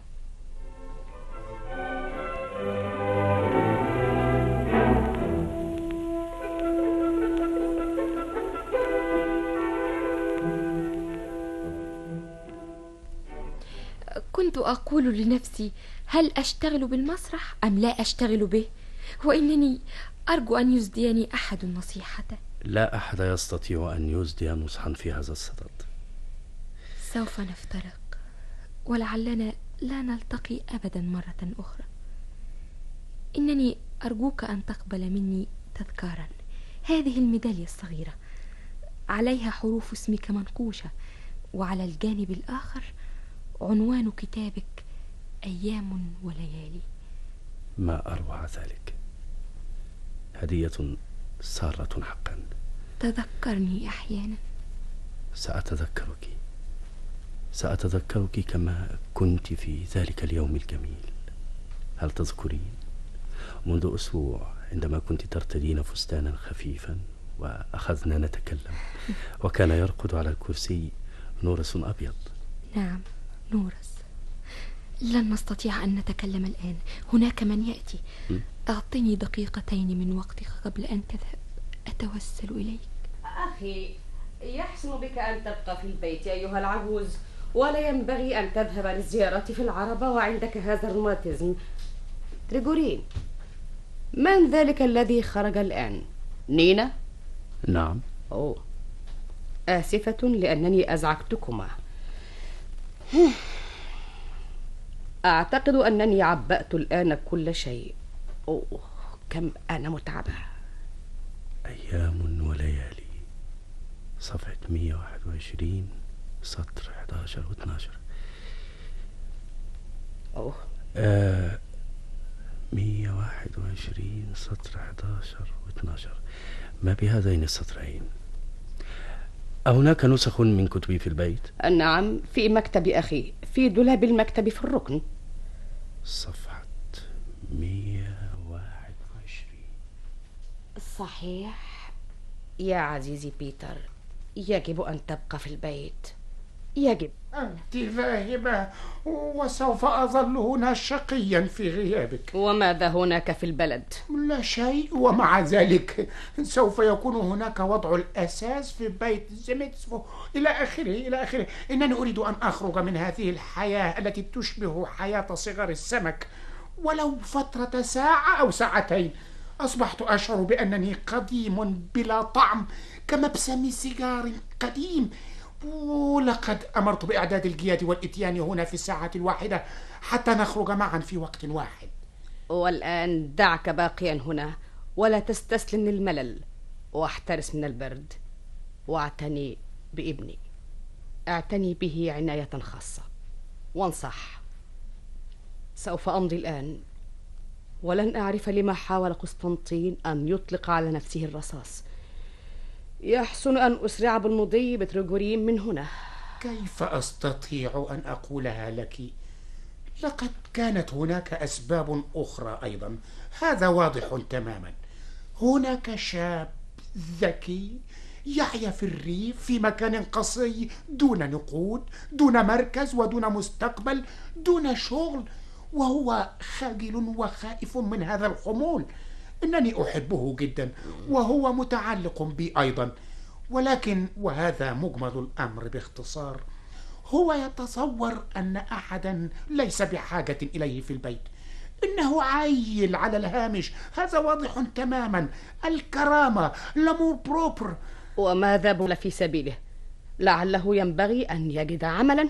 يخيل لي أن أفضل ما تفعلينه على الإطلاق أن تعطيه شيئا من المال. أولا يجب يجب أن يلبس كما يلبس سائر الرجال. إلى آخره إلى آخره. اسمعي إنه يلبس نفس الجاكيتة القديمة الصغيرة من ثلاث سنين وهو يذهب ويجيء دون معطف. ولن يضير الولد في شيء أن يستمتع قليلا ولعله ينبغي أن يذهب للخارج. هذا لا يكلف كثيرا أليس كذلك؟ ومع ذلك لا بأس. ربما أمكنني أن أتركه يفصل بدله. أما السفر للخارج لا في الوقت الحالي. لا أستطيع حتى أن أتركه يفصل بدله. ليس عندي نقود ليس عندي نقود. ليس عندي شيء. بالضبط بالضبط. سامحيني يا عزيزتي لا تغضبي. إنني أصدقك. أنت امرأة كريمة نبية ليس عندي نقود. لو كان عندي نقود أنا شخصيا واضح تماما أنني كنت أعطيته شيئا. ولكن ليس عندي شيء ولا ربل. إن كل معاشي يذهب للناظر الذي يأخذه وينفقه على الزراعة وتربية الحيوان والنحل وتضيع نقودي كلها. النحل يموت البقر يموت ولا يسمح لي أبدا باستخدام الجياد. نعم نعم عندي نقود ولكني ممثلة. الفساتين وحدها خربت بيتي. أنت عطوفة أنت حبيبة وأنا أحترمك أؤكد لك ولكني مرة ثانية على الإطلاق. عندي دوار أنا مريض إلى آخره إلى آخره. بيتر عزيزي بيتر عزيزي بيتر بيتر بيتر إلي إلي إلي. أوه أوه كاد يغمى علي. أوه بيتر. لا شيء خلاص خلاص انتهى ذلك إلى آخره إلى آخره. لا تنزعج يا ماما. ليس لذلك خطر معه إنه يصيب خالي كثيرا في هذه الأيام. يجب أن ترقد وتستريح يا خالي. نعم نعم سأرقد لحظة ومع ذلك فسأذهب إلى البلد. سأضطجع لحظة ثم أذهب بعد ذلك. هذا واضح تماما. هناك لغز. من الذي يمشي في الصباح على أربع وفي الظهر على اثنين؟ وفي المساء على ثلاث. تمام. وفي الليل على ظهري. شكرا. أستطيع أن أمشي وحدي. ولماذا الكلف أوه كم أخافني. الحياة في الريف تضره. إنه مكتئب هنا. ولو أنك يا ماما أصبحت كريمة فجأة وأقرضته 1500 روبل فلعله يستطيع أن يعيش في المدينة سنة كاملة. ليس عندي نقود؟ أنا أنا أنا ممثلة ولست صاحبة بنك. ماما؟ غيري لي الرباط. أنت تعملين ذلك بغاية اللطف. والدكتور تأخر. لقد وعد أن يكون هنا في العاشرة وها نحن في الظهر. إذا اجلس. أوه. أنت تبدو كما لو كنت تلبس عمامة. وبالأمس جاء شخص غريب إلى المطبخ فسأل عن جنسيتك. أوه ها قد شفيت تماما تقريبا. لم يبق إلا جزء صغير. عندما أسافر لن تحاول أن تلهو بالمسدس مرة أخرى. لا يا ماما كانت تلك لحظة من اليأس الجنوني. لم أكن أستطيع أن أتحكم في نفسي ولن تحدث مرة أخرى. إن لك يدين ذهبيتين. إنني أتذكر زمان عندما كنت تشتغلين في مسارح الدولة. وكنت صغيرا جدا. عندئذ كانت هناك عركة في الفناء وضربت امرأة كانت تستأجر غرفة في البيت وكانت تعمل غسالة ضربا مبرحا. هل تذكرين؟ وأغمي عليها. وكنت تذهبين إليها دائما. تأخذين إليها الأدوية وتحمين أطفالها في حوض. هل تذكرين ذلك؟ لا.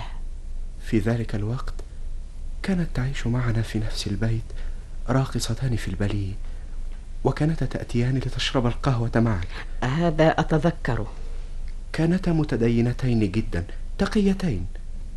إنني أحبك أخيرا في هذه الأيام بنفس الإعزاز والولاء الذي كنت أحبك به في طفولتي. ليس لي أحد الآن إلاك ولكن لماذا تخضعين لتأثير هذا الرجل؟ أوه. أنت لا تفهمه يا قسطنطين. إنه شخصية نبيلة جدا. ومع ذلك فلما أخبروه أنني أنوي أن أتحداه للمبارزة فإن نبله لم يحل دون أن يكون جبانا. إنه يسافر الهارب المسكين. يا للهراء. إنني أنا الذي طلبت منه أن يمضي من هنا. شخصية نبيلة جدا. ها نحن نكاد نتعارك بسببه وهو الآن في مكان ما في غرفة الاستقبال أو في الحديقة يضحك علينا يثقف نينا يحاول أن يقنعها مرة واحدة ونهائية بأنه عبقري. أوه أنت يسرك كثيرا أن تقول لي أشياء غير سارة. إنني أحترم ذلك الرجل وأطلب منك ألا تناله بسوء في حضوري. ولكني لا أحترمه أنا. أنت تريدين أن أعتبره أنا أيضا عبقريا ولكن عفوا إنني لا أستطيع الكذب. وكتاباته تمرضني. هذا حسد. الناس الذين لا موهبة لهم وليس لديهم غير الادعاء. لا يبقى لهم إلا أن يشتموا أصحاب المواهب الحقيقية. عزاء هزيل هذا بلا شك. مواهب حقيقية. إن لدي من الموهبة أكثر مما لديكم جميعا ما دام الأمر كذلك. أنتم أصحاب الروتين. قد استوليتم على القيادة في الفن وكل ما هو صحيح وكل ما له قيمة في نظركم هو ما تفعلونه أنتم فقط.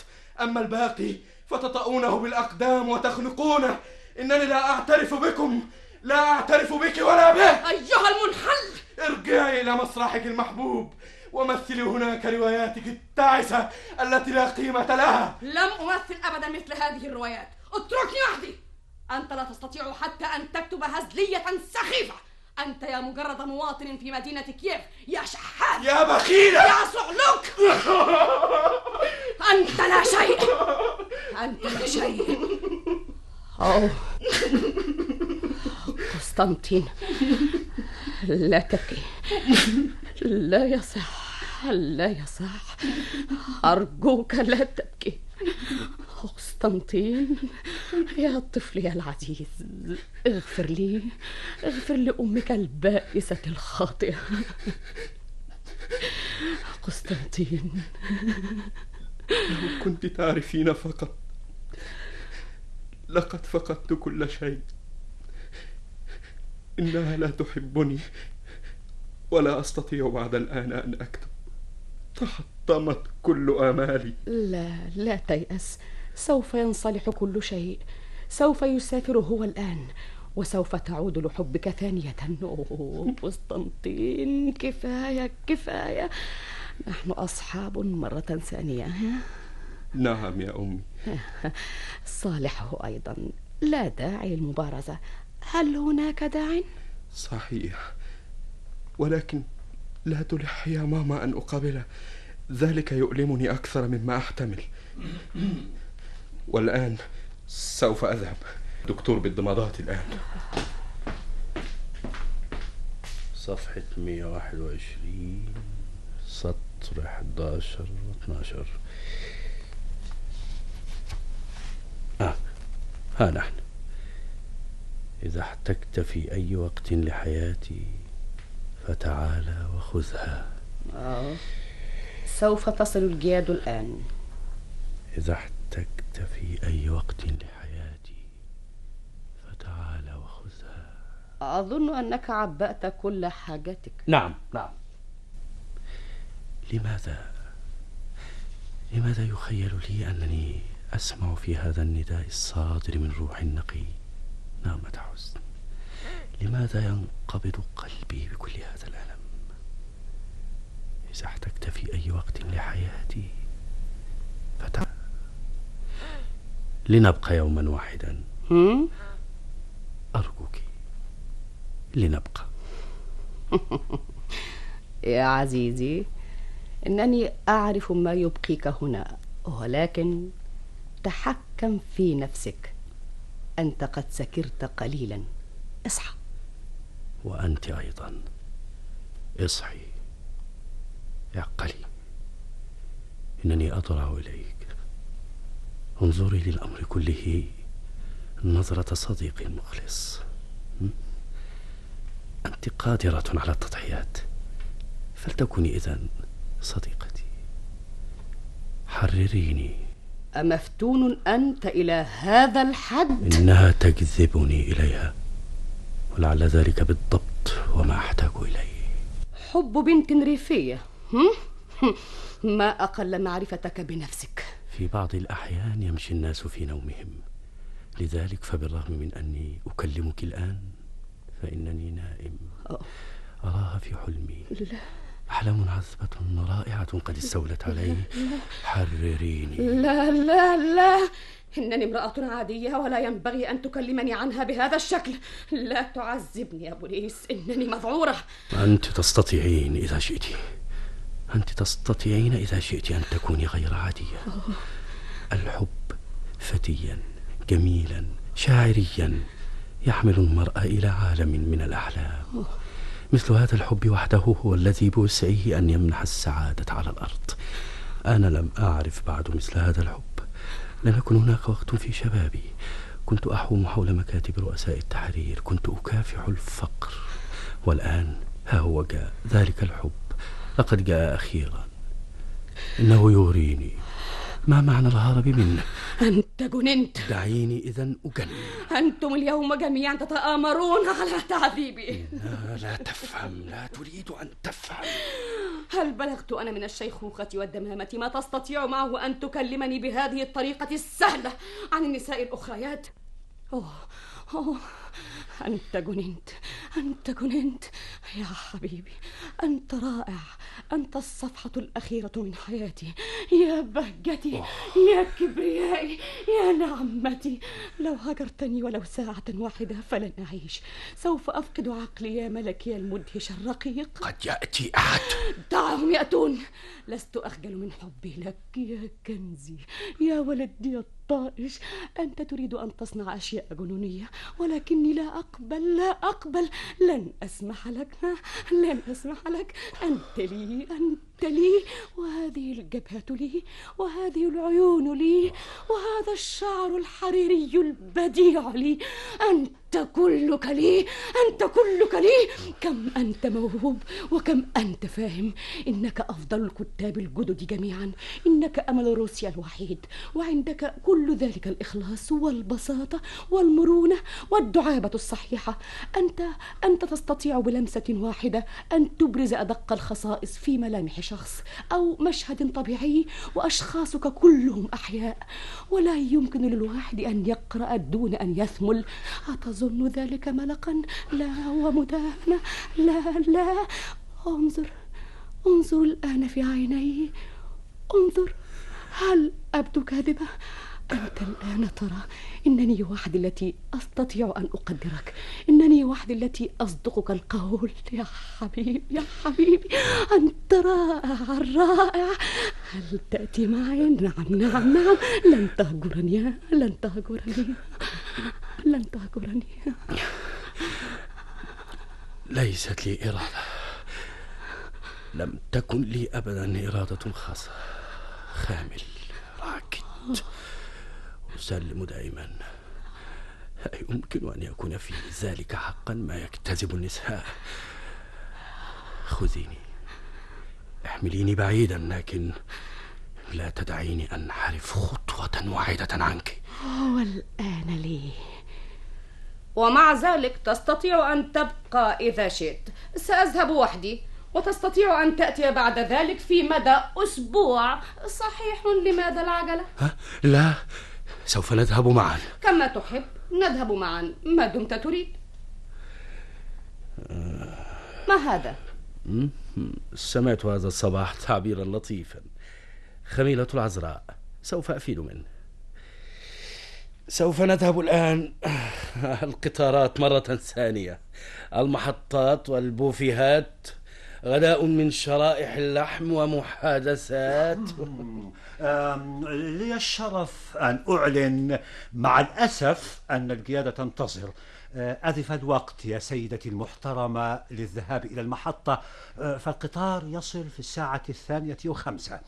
إذا فسوف تتفضلين يا إيرين نيكولايفنا. لن تنسي أن تقومي بذلك الاستفهام الصغير. أين سوزلان زايف الممثل في هذه الأيام. أما زال حيا يرزق آه، هل هو بصحة جيدة؟ كان من عادتنا أن نشرب معا وكان يمثل في رواية بريد ليون بشكل لا يضارع في تلك الأيام. إنني أتذكر في آه، إليزابيث جراد آه، أن إزمايلوف الممثل التراجيدي كان يمثل معه. وكان أيضا شخصية بارزة. لا داعي للعجلة يا سيدتي المحترمة. تستطيعين أن تنتظري خمس دقائق أخرى. حدث ذات مرة أنهم كانوا يمثلون أدوار المتآمرين آه، في رواية ميلودراما. آه، وعندما أخذوا على غرة فجأة كان ينبغي أن يقولوا لقد وقعنا في الفخ. ولكن إسمايلوف قال لقد وقعنا في النوم. في النوم. هذا برقوق للسفر. برقوق حلو جدا. لعلك تحبين أن تتذوقي منه شيئا. هذا لطيف منك جدا يا بولين أندريفنا مع السلامة يا عزيزتي. وإذا كنت قد وجدت أن شيئا ما لم يجري على ما يرام فأرجو أن تصفحي عني لا. لا لا كل شيء كان بديعا كل شيء كان حسنا ولائقا لكن لا يجب أن تبكي الآن لا يجب. إن زماننا يولي. لا حيلة لنا في ذلك. جاء الوقت يا أختاه وإلا فاتك القطار هذا مجمل الأمر. باختصار سأذهب إلى عربتي. وأنا سأمشي إلى المحطة لأودعكم. سأصل في لحظة واحدة. إلى اللقاء يا أعزائي. إذا عشنا وكنا بصحة جيدة جميعا فسوف نلتقي ثانية في الصيف القادم. لا تنسوني. أوه هذا روبن للطهاة الثلاثة. شكرا يا سيدتي. ويسعدنا أن نتلقى خطابا منك. مع ليس أليكسفيتش أخبره إنني ذاهبة.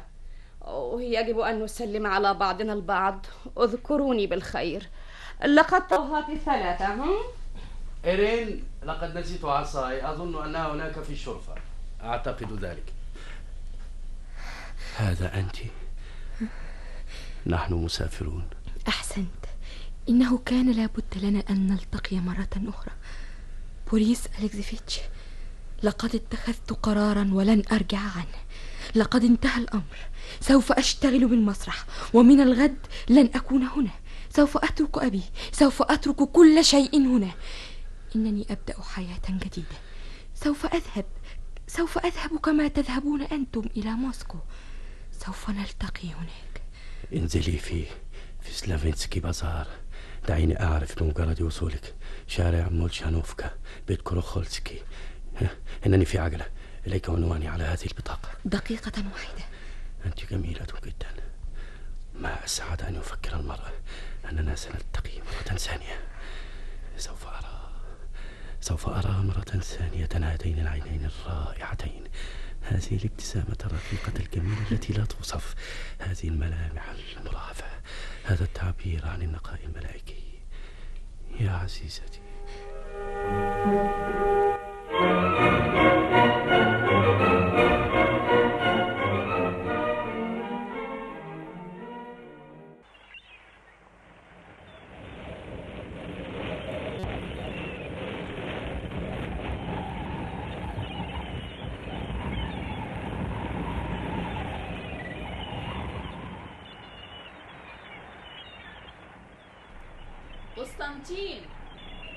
قسطنطين قسطنطين. لا أحد هنا. والعجوز يسأل كل دقيقة أين كوستيا؟ أين كوستيا؟ إنه لا يستطيع الحياة من غيره. إنه خائف من الوحدة. جو فظيع. وهذا ثاني يوم. البحيرة ترتفع فيها الأمواج. أمواج هائلة. والحديقة المظلمة. كان ينبغي أن يقال لهم أن يرفعوا هذا المسرح من الحديقة. إنه هناك عاريا وقديما كهيكل عظمي. والريح تضرب الستار. عندما مررت من هناك الليلة الفائتة خيل إلي أن هناك من يبكي. يا لها من فكرة. تعال يا ماشا فلنذهب إلى البيت. سأبقى هنا الليلة. تعال يا ماشا أرجوك أرجوك. لابد أن طفلنا العزيز جوعان. كلام فارغ. سوف تهتم متروين بإطعامه. يا للأسف. هذه هي ثالث ليلة يبقى فيها من غير أم. أصبحت متعبا أنت. كنت فيما مضى على أي الأحوال تتفلسف. أما الآن الولد البيت الولد البيت هذا كل ما أسمع منك. تعالي. أرجوك يا ماشا. اذهب وحدك. أبوك لن يسمح لي بأخذ حصان. نعم سيعطيك. اطلب منه. سأحاول. تأتينا غدا إذن؟ غدا؟ نعم.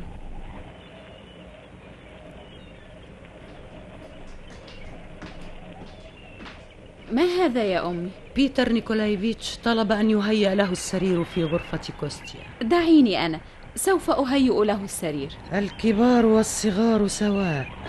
سأذهب إذن. إلى اللقاء يا ماشي. إلى اللقاء يا أمي. طيب طيب. اذهب على بركة الله.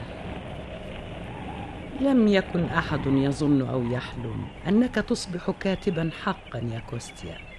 وها هم الآن والحمد لله يبدأون في إرسال نقود إليك من المجلات. وقد أصبحت جميلا يا حبيبي كوستيا. يا عزيزي حاول أن تكون أكثر محبة نحو ابنتي ماشينك اتركيه وحده يا أمي. إنها مخلوق مجيد. المرأة يا كوستيا لا تحتاج لشيء إلا لأن تعطيها نظرة محبة. إنني أعرف ذلك من تجربتي. ها أنت أغضبته الآن. لم يكن ينبغي أن تضايقيه. قلبي معك يا ماشينكا يا عزيزتي. لا داعي. قلبي موجع من أجلك. أنا في الحقيقة أرى كل شيء وأفهم كل شيء. كلام فارغ كل هذا. الحب من غير أمل. هذا لا يوجد إلا في الروايات فقط. كلام فارغ. ولكن يجب أن أتحكي تماما. لا ينبغي أن أقعد أنتظر حدوث شيء ما. أجلس على البحر وأنتظر اعتدال الجو. بمجرد أن يتسلل الحب إلى القلب يجب أن يطرد خارجا. لقد وعدوا الآن بنقل زوجي إلى مقاطعة أخرى وبمجرد أن نصل هناك سأنسى كل شيء سأنتزعه من قلبي من الجذور. كوستيا يعزف. معنى هذا أنه منقبض. الشيء الرئيسي يا أمي هو ألا يكون بوسعي أن أراه. وإذا صرحوا لسيمون بالنقل فصدقيني سوف أنسى كل شيء في شهر واحد. هذا كله كلام فارغ. نحن الآن ستة في البيت. ستة. وكيلة الدقيق بسبعين كوبيك. موقف صعب أليس كذلك؟ تستطيع أنت أن تضحك فعندك أكوام من النقود. النقود. بعد ثلاثين سنة من العمل العمل المزعج. لم أكن أستطيع طوالها أن أقول إن لدي وقتا ما لنفسي سواء بالنهار أو بالليل استطعت أن أدخر ألفي روبل وقد أنفقتها أثناء رحلتي الأخيرة في الخارج ولم يعد عندي شيء ألم تذهب بعد؟ أه؟ لماذا لم يكونوا ليسمحوا لي بأخذ حصان؟ ليتني لا أرى وجهك أبدا بعد الآن ما هذا؟ عملتم تغييرات كثيرة هنا الصالون تحول إلى مكتب. كان من الأنسب لقسطنطين أن يشتغل هنا فيستطيع الخروج إلى الحديقة في أي لحظة ليفكر هناك. أين أختي؟ ذهبت إلى المحطة بالعربة لتقابل تريغورين وسترجع حالا. ما دمتم وجدتم من الضروري أن ترسلوا في طلب أختي حتى هنا فلا بد أنني مريض في الخطر. هذا بديع. أنا في الخطر.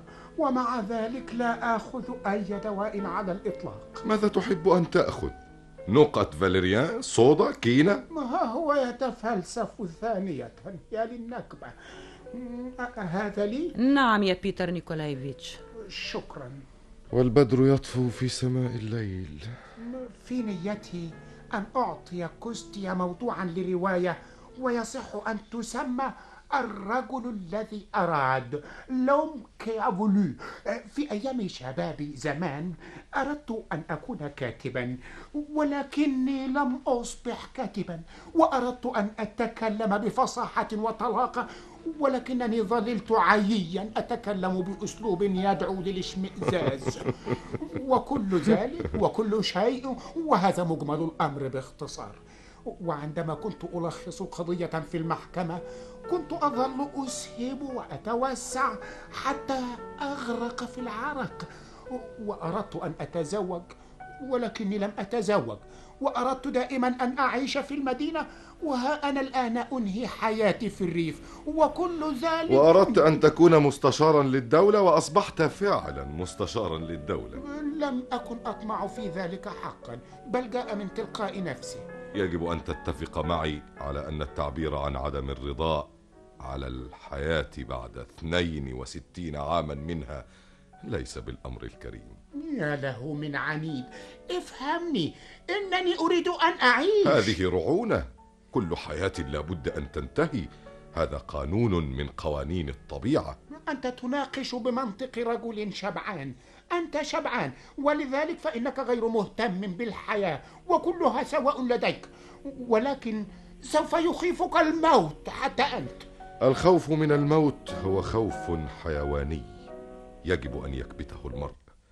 ليس إلا أولئك الذين يؤمنون بالحياة الأبدية ويرتعدون من خطاياهم يخافون من الموت خوفا واعيا. ولكن أنت أولا غير مؤمن وثانيا ما هي خطاياك؟ لقد خدمت في المحاكم خمسة وعشرين عاما. هذا كل شيء. ثمانية وعشرين. أو نحن نضايق قسطنطين جافريلوفيتش. لا أبدا. هل تسمح لي يا دكتور بالسؤال؟ ما هي أحسن بلد أعجبتك في الخارج؟ جنوة لماذا جنوة؟ الناس في الشارع. هناك شيء رائع. فعندما تخرج من الفندق مساء تجد الشوارع كلها غاصة بحركة الناس وأنت تمشي في الزحمة دون غرض على الإطلاق ذهابا ومجيئا في خط متعرج وتحيا مع الزحمة وتنصهر نفسيا فيها وتبدأ تؤمن أن الروح العالمية شيء ممكن فعلا كتلك الروح التي مثلتها نينا زاريتشني في روايتك على فكرة أين نينا زاريتشني الآن؟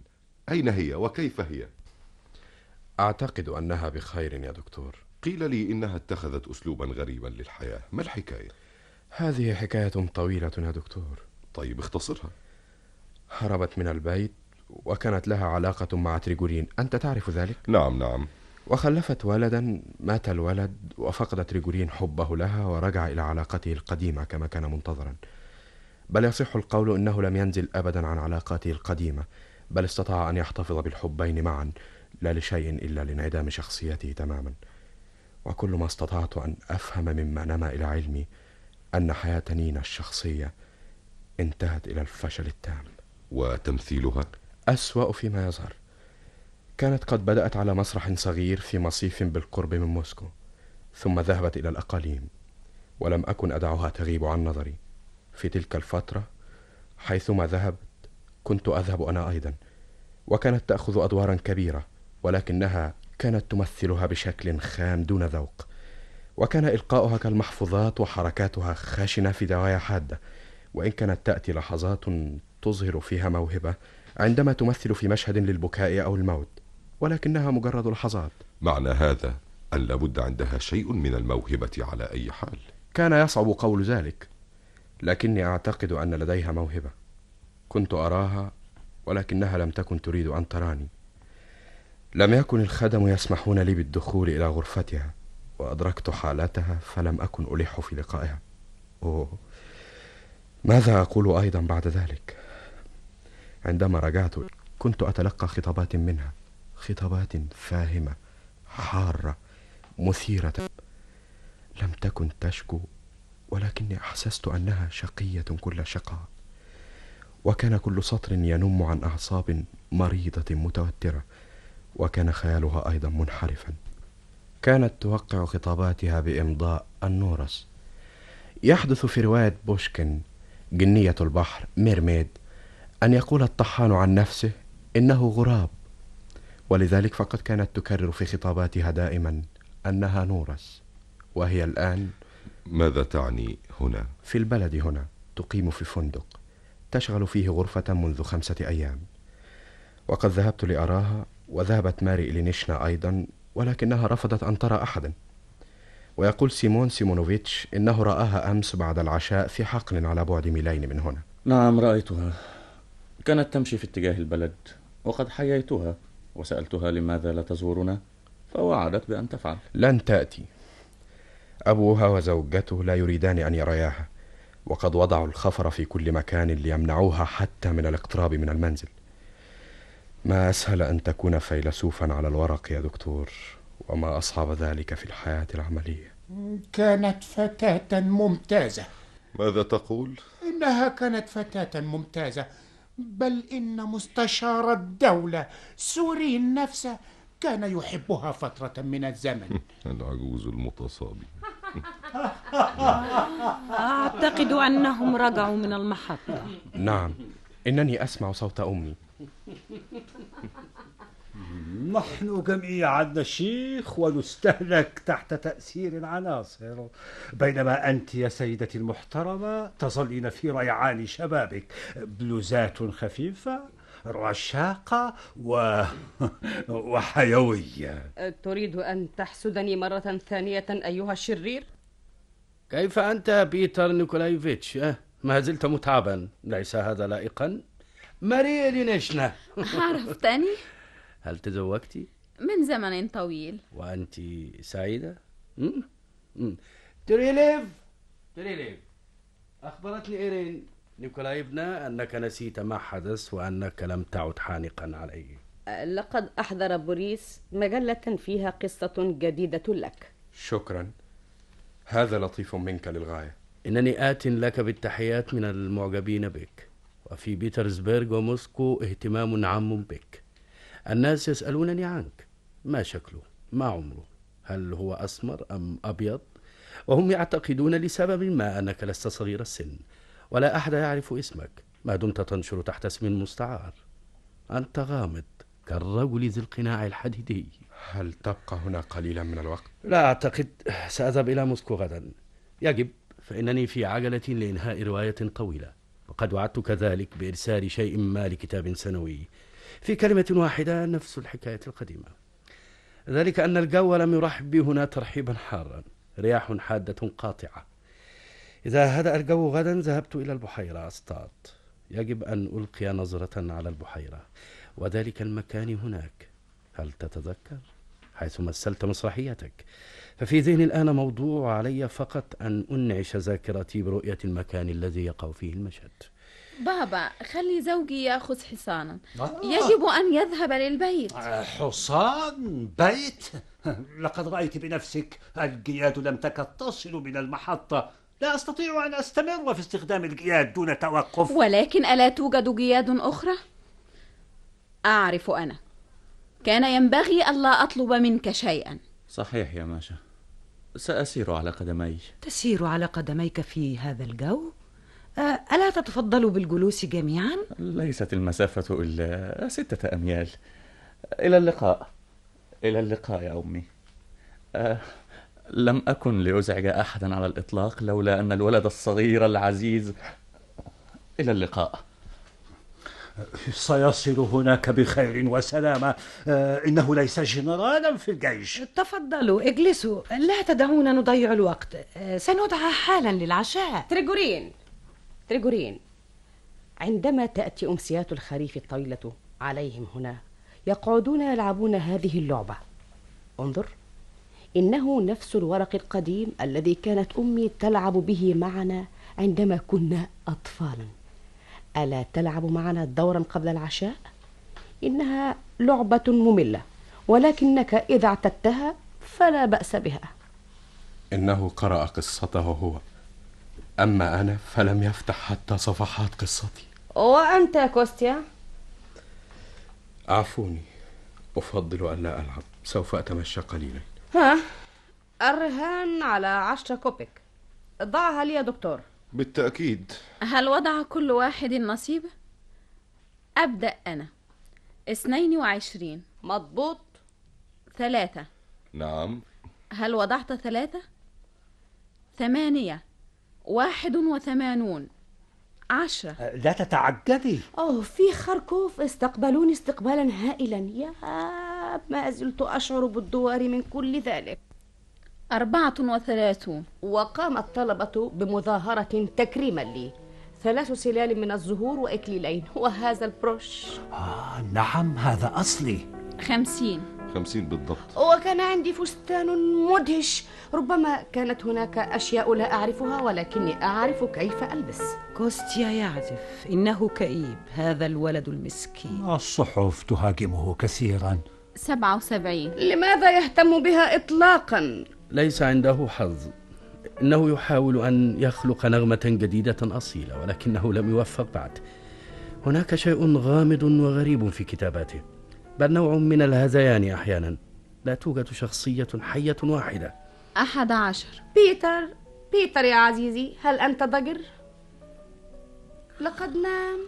مستشار الدولة نائم. سبعة تسعين. إذا كنت أنا أعيش في مثل هذا المنزل الريفي بجانب بحيرة فهل كنت أكتب؟ كنت أتغلب على هذه العاطفة عندي ولا ولا أفعل شيئا غير صيد السمك. ثمانية وعشرين. يا للمتعة في صيد بلطية أو قرموط. إنني أؤمن فعلا بقسطنطين جافريلوفيتش. إن لديه شيئا يقوله إن لديه شيئا. إنه يفكر بالصور وقصصه مليئة باللون ومتوهجة. إنني أحسها بقوة. خسارة أن ليس لديه أهداف محددة. هو ينتج انطباعات وهذا كل شيء. ولكن الانطباعات وحدها لا تذهب بك بعيدا. إيرين نيكولايفنا هل أنت مسرورة لأن ابنك كاتب؟ تصور أنني لم أقرأ له شيئا بعد لم يكن عندي وقت أبدا. ستة وعشرين. لدينا شيء هنا يخصك يا بوريس أليكسفيتش. وهو؟ آه، كان قسطنطين جافريلوفيتش ضرب نورسا بالرصاص مرة وقد طلبت مني أن أحنطه لك. م? لا أتذكر. لا ستة أتذكر وستين. واحد. ما أشد هذا الظلام. لا أستطيع أن أفهم لماذا أشعر بهذا القلق. كوستيا أقفل الشباك سيدخل منه تيار ثمانية وثمانين. كسبت. برافو برافو! برافو! هذا الرجل محظوظ دائما وفي كل شيء. فلنذهب الآن لنأكل شيئا. إن الكاتب الشهير لم يتغدى اليوم. سنواصل اللعبة بعد العشاء. كوستيا اترك كتاباتك الآن وتعال كل شيئا. لا أريد شيئا يا أمي. أكلت. كما تشاء. بيتر يا عزيزي العشاء. أوهو سأحدثك عن استقبالي في خاركوف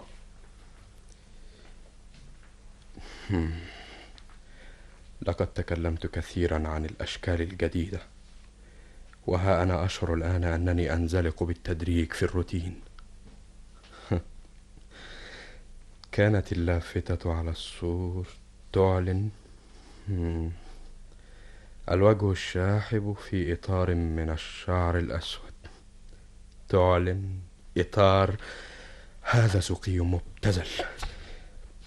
سوف أبدأ ببطل القصة يستيقظ على صوت القطار وأشطب الباقي كله. ها وصف المساء المقمر طويل متكلف. إن تريجورين وجد لنفسه أساليب معينة في الشكل وأصبح الأمر سهلا أمامه. إنه يكتب كان عنق زجاجة مكسور يلمع على السور وكان ظل عجلة الطاحونة يزداد سوادا. ها هي ذي ليلة مقمرة كاملة أمامك. أما أنا فأصف الضوء المرتعش ووميض النجوم الوديع وصوت بيانو بعيد يموت في الهواء المعطر الساكن. هذا عذاب. نعم.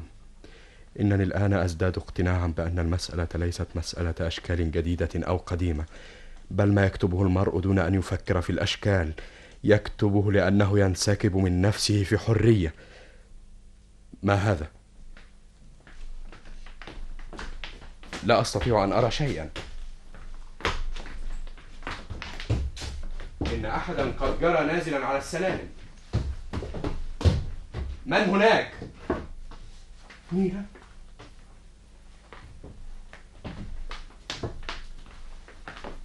نينا. نينا. نينا. نينا. هذه أنت. أنت. كان عندي شعور سابق غامض طول النهار وكانت روحي في مضض مخيف. إن حبيبتي إن كنزي الثمين قد جاء لا تبكي لا تبكي. هناك من يأتي. لا أحد هناك. أقفل الأبواب حتى لا يأتي أحد. لن يأتي أحد. إنني أعرف أن إيرين نيكولايفنا هنا أقفل الأبواب. لا يوجد قفل بهذا الباب. سأضع كرسيا خلفه. لا تخافي لن يدخل أحد. دعني أتملى النظر إليك. المرء يشعر هنا بالدفء والراحة. كانت هذه الغرفة غرفة استقبال. هل هل تغيرت أنا كثيرا؟ نعم أصبحت نحيلة وكبرت عيناك. نينا هذا غريب. أن أراك. لم لم تدعيني آتي إليك؟ لم لم تأتي قبل الآن؟ إنني أعرف أنك هنا منذ أسبوع تقريبا وفي كل يوم عدة مرات في اليوم الواحد. كنت أذهب لأراك. وكنت أقف تحت نافذتك كشحاذ. كنت أخشى من أنك تمقتني. إنني أحلم كل ليلة أنك تنظر إلي ولا تعرف. لو أنك تعرف إنني منذ وصلت أمشي كل يوم إلى هنا بجانب البحيرة. وكم من مرة اقتربت من البيت هنا ولم أجرؤ على الدخول. تعال فلنجلس فلنجلس ولنتكلم لنتكلم. ما أجمل هذا المكان وما أدفأه وما أريحه. أصغي إلى صوت الرياح. هناك فقرة من تورجينيف تقول سعيد ذلك الذي يجلس في مثل هذه الليلة في حمى سقف ذلك الذي يعود إلى ركن دفين إنني نورس. لا ليس هذا. ماذا كنت أقول؟ نعم تجنيف فليمنح الله الراحة كل الذين يتجولون هائمين بيوت لا تهتم بي. نينا نينا. لا شيء لا شيء. إنني إنني أشعر بالراحة. مضت سنتان منذ أن بكيت لآخر مرة. وفي الليلة الماضية ذهبت قرب آخر الليل لأرى ما إذا كان مسرحنا ما زال هناك. ولأول مرة منذ سنتين انفجرت بالبكاء ثم ثم شعرت بتحسن وأحسست قلبي يخف قليلا. انظر إنني لا أبكي. وأنت أنت أصبحت كاتبا. أنت كاتب وأنا ممثلة. لقد دخلنا الآن نحن أيضا في غمرة الأشياء. كانت حياتي بهجة بحتة خالصة كحياة الأطفال. كنت أستيقظ في الصباح وأغني. كنت أحبك وأحلم بالشهرة. والآن غدا في الصباح الباكر أذهب إلى يلدز بالدرجة الثالثة في القطار مع الفلاحين. في يلدز يزدحم حولي التجار المثقفون. ويكيلون اهتماماتهم بي ويغرقونني بخدماتهم. إن الحياة شاقة وحشية. لماذا تذهبين إلى يلز؟ عندي عقد للشتاء كله. لقد أزف الوقت. نينا لقد كنت ألعنك وأمقتك. وقد مزقت خطاباتك وصورك. ولكني في كل لحظة كنت أعرف أن روحي متصلة بك إلى الأبد. وليس في طاقتي أن أكف عن حبك. ومنذ أن فقدتك وبدأت أنشر أعمالي لم تعد حياتي تطاق. إنني أقاسي. وقد تركني شبابي فجأة كما لو كان قد انقطع. ويخيل لي من الآن أنني عشت تسعين عاما على الأرض. كنت أناديك وأقبل الأرض التي مشيت عليها. وكان يخيل لي أنني أرى وجهك أينما نظرت وتلك الابتسامة المداعبة التي كانت تشرق علي.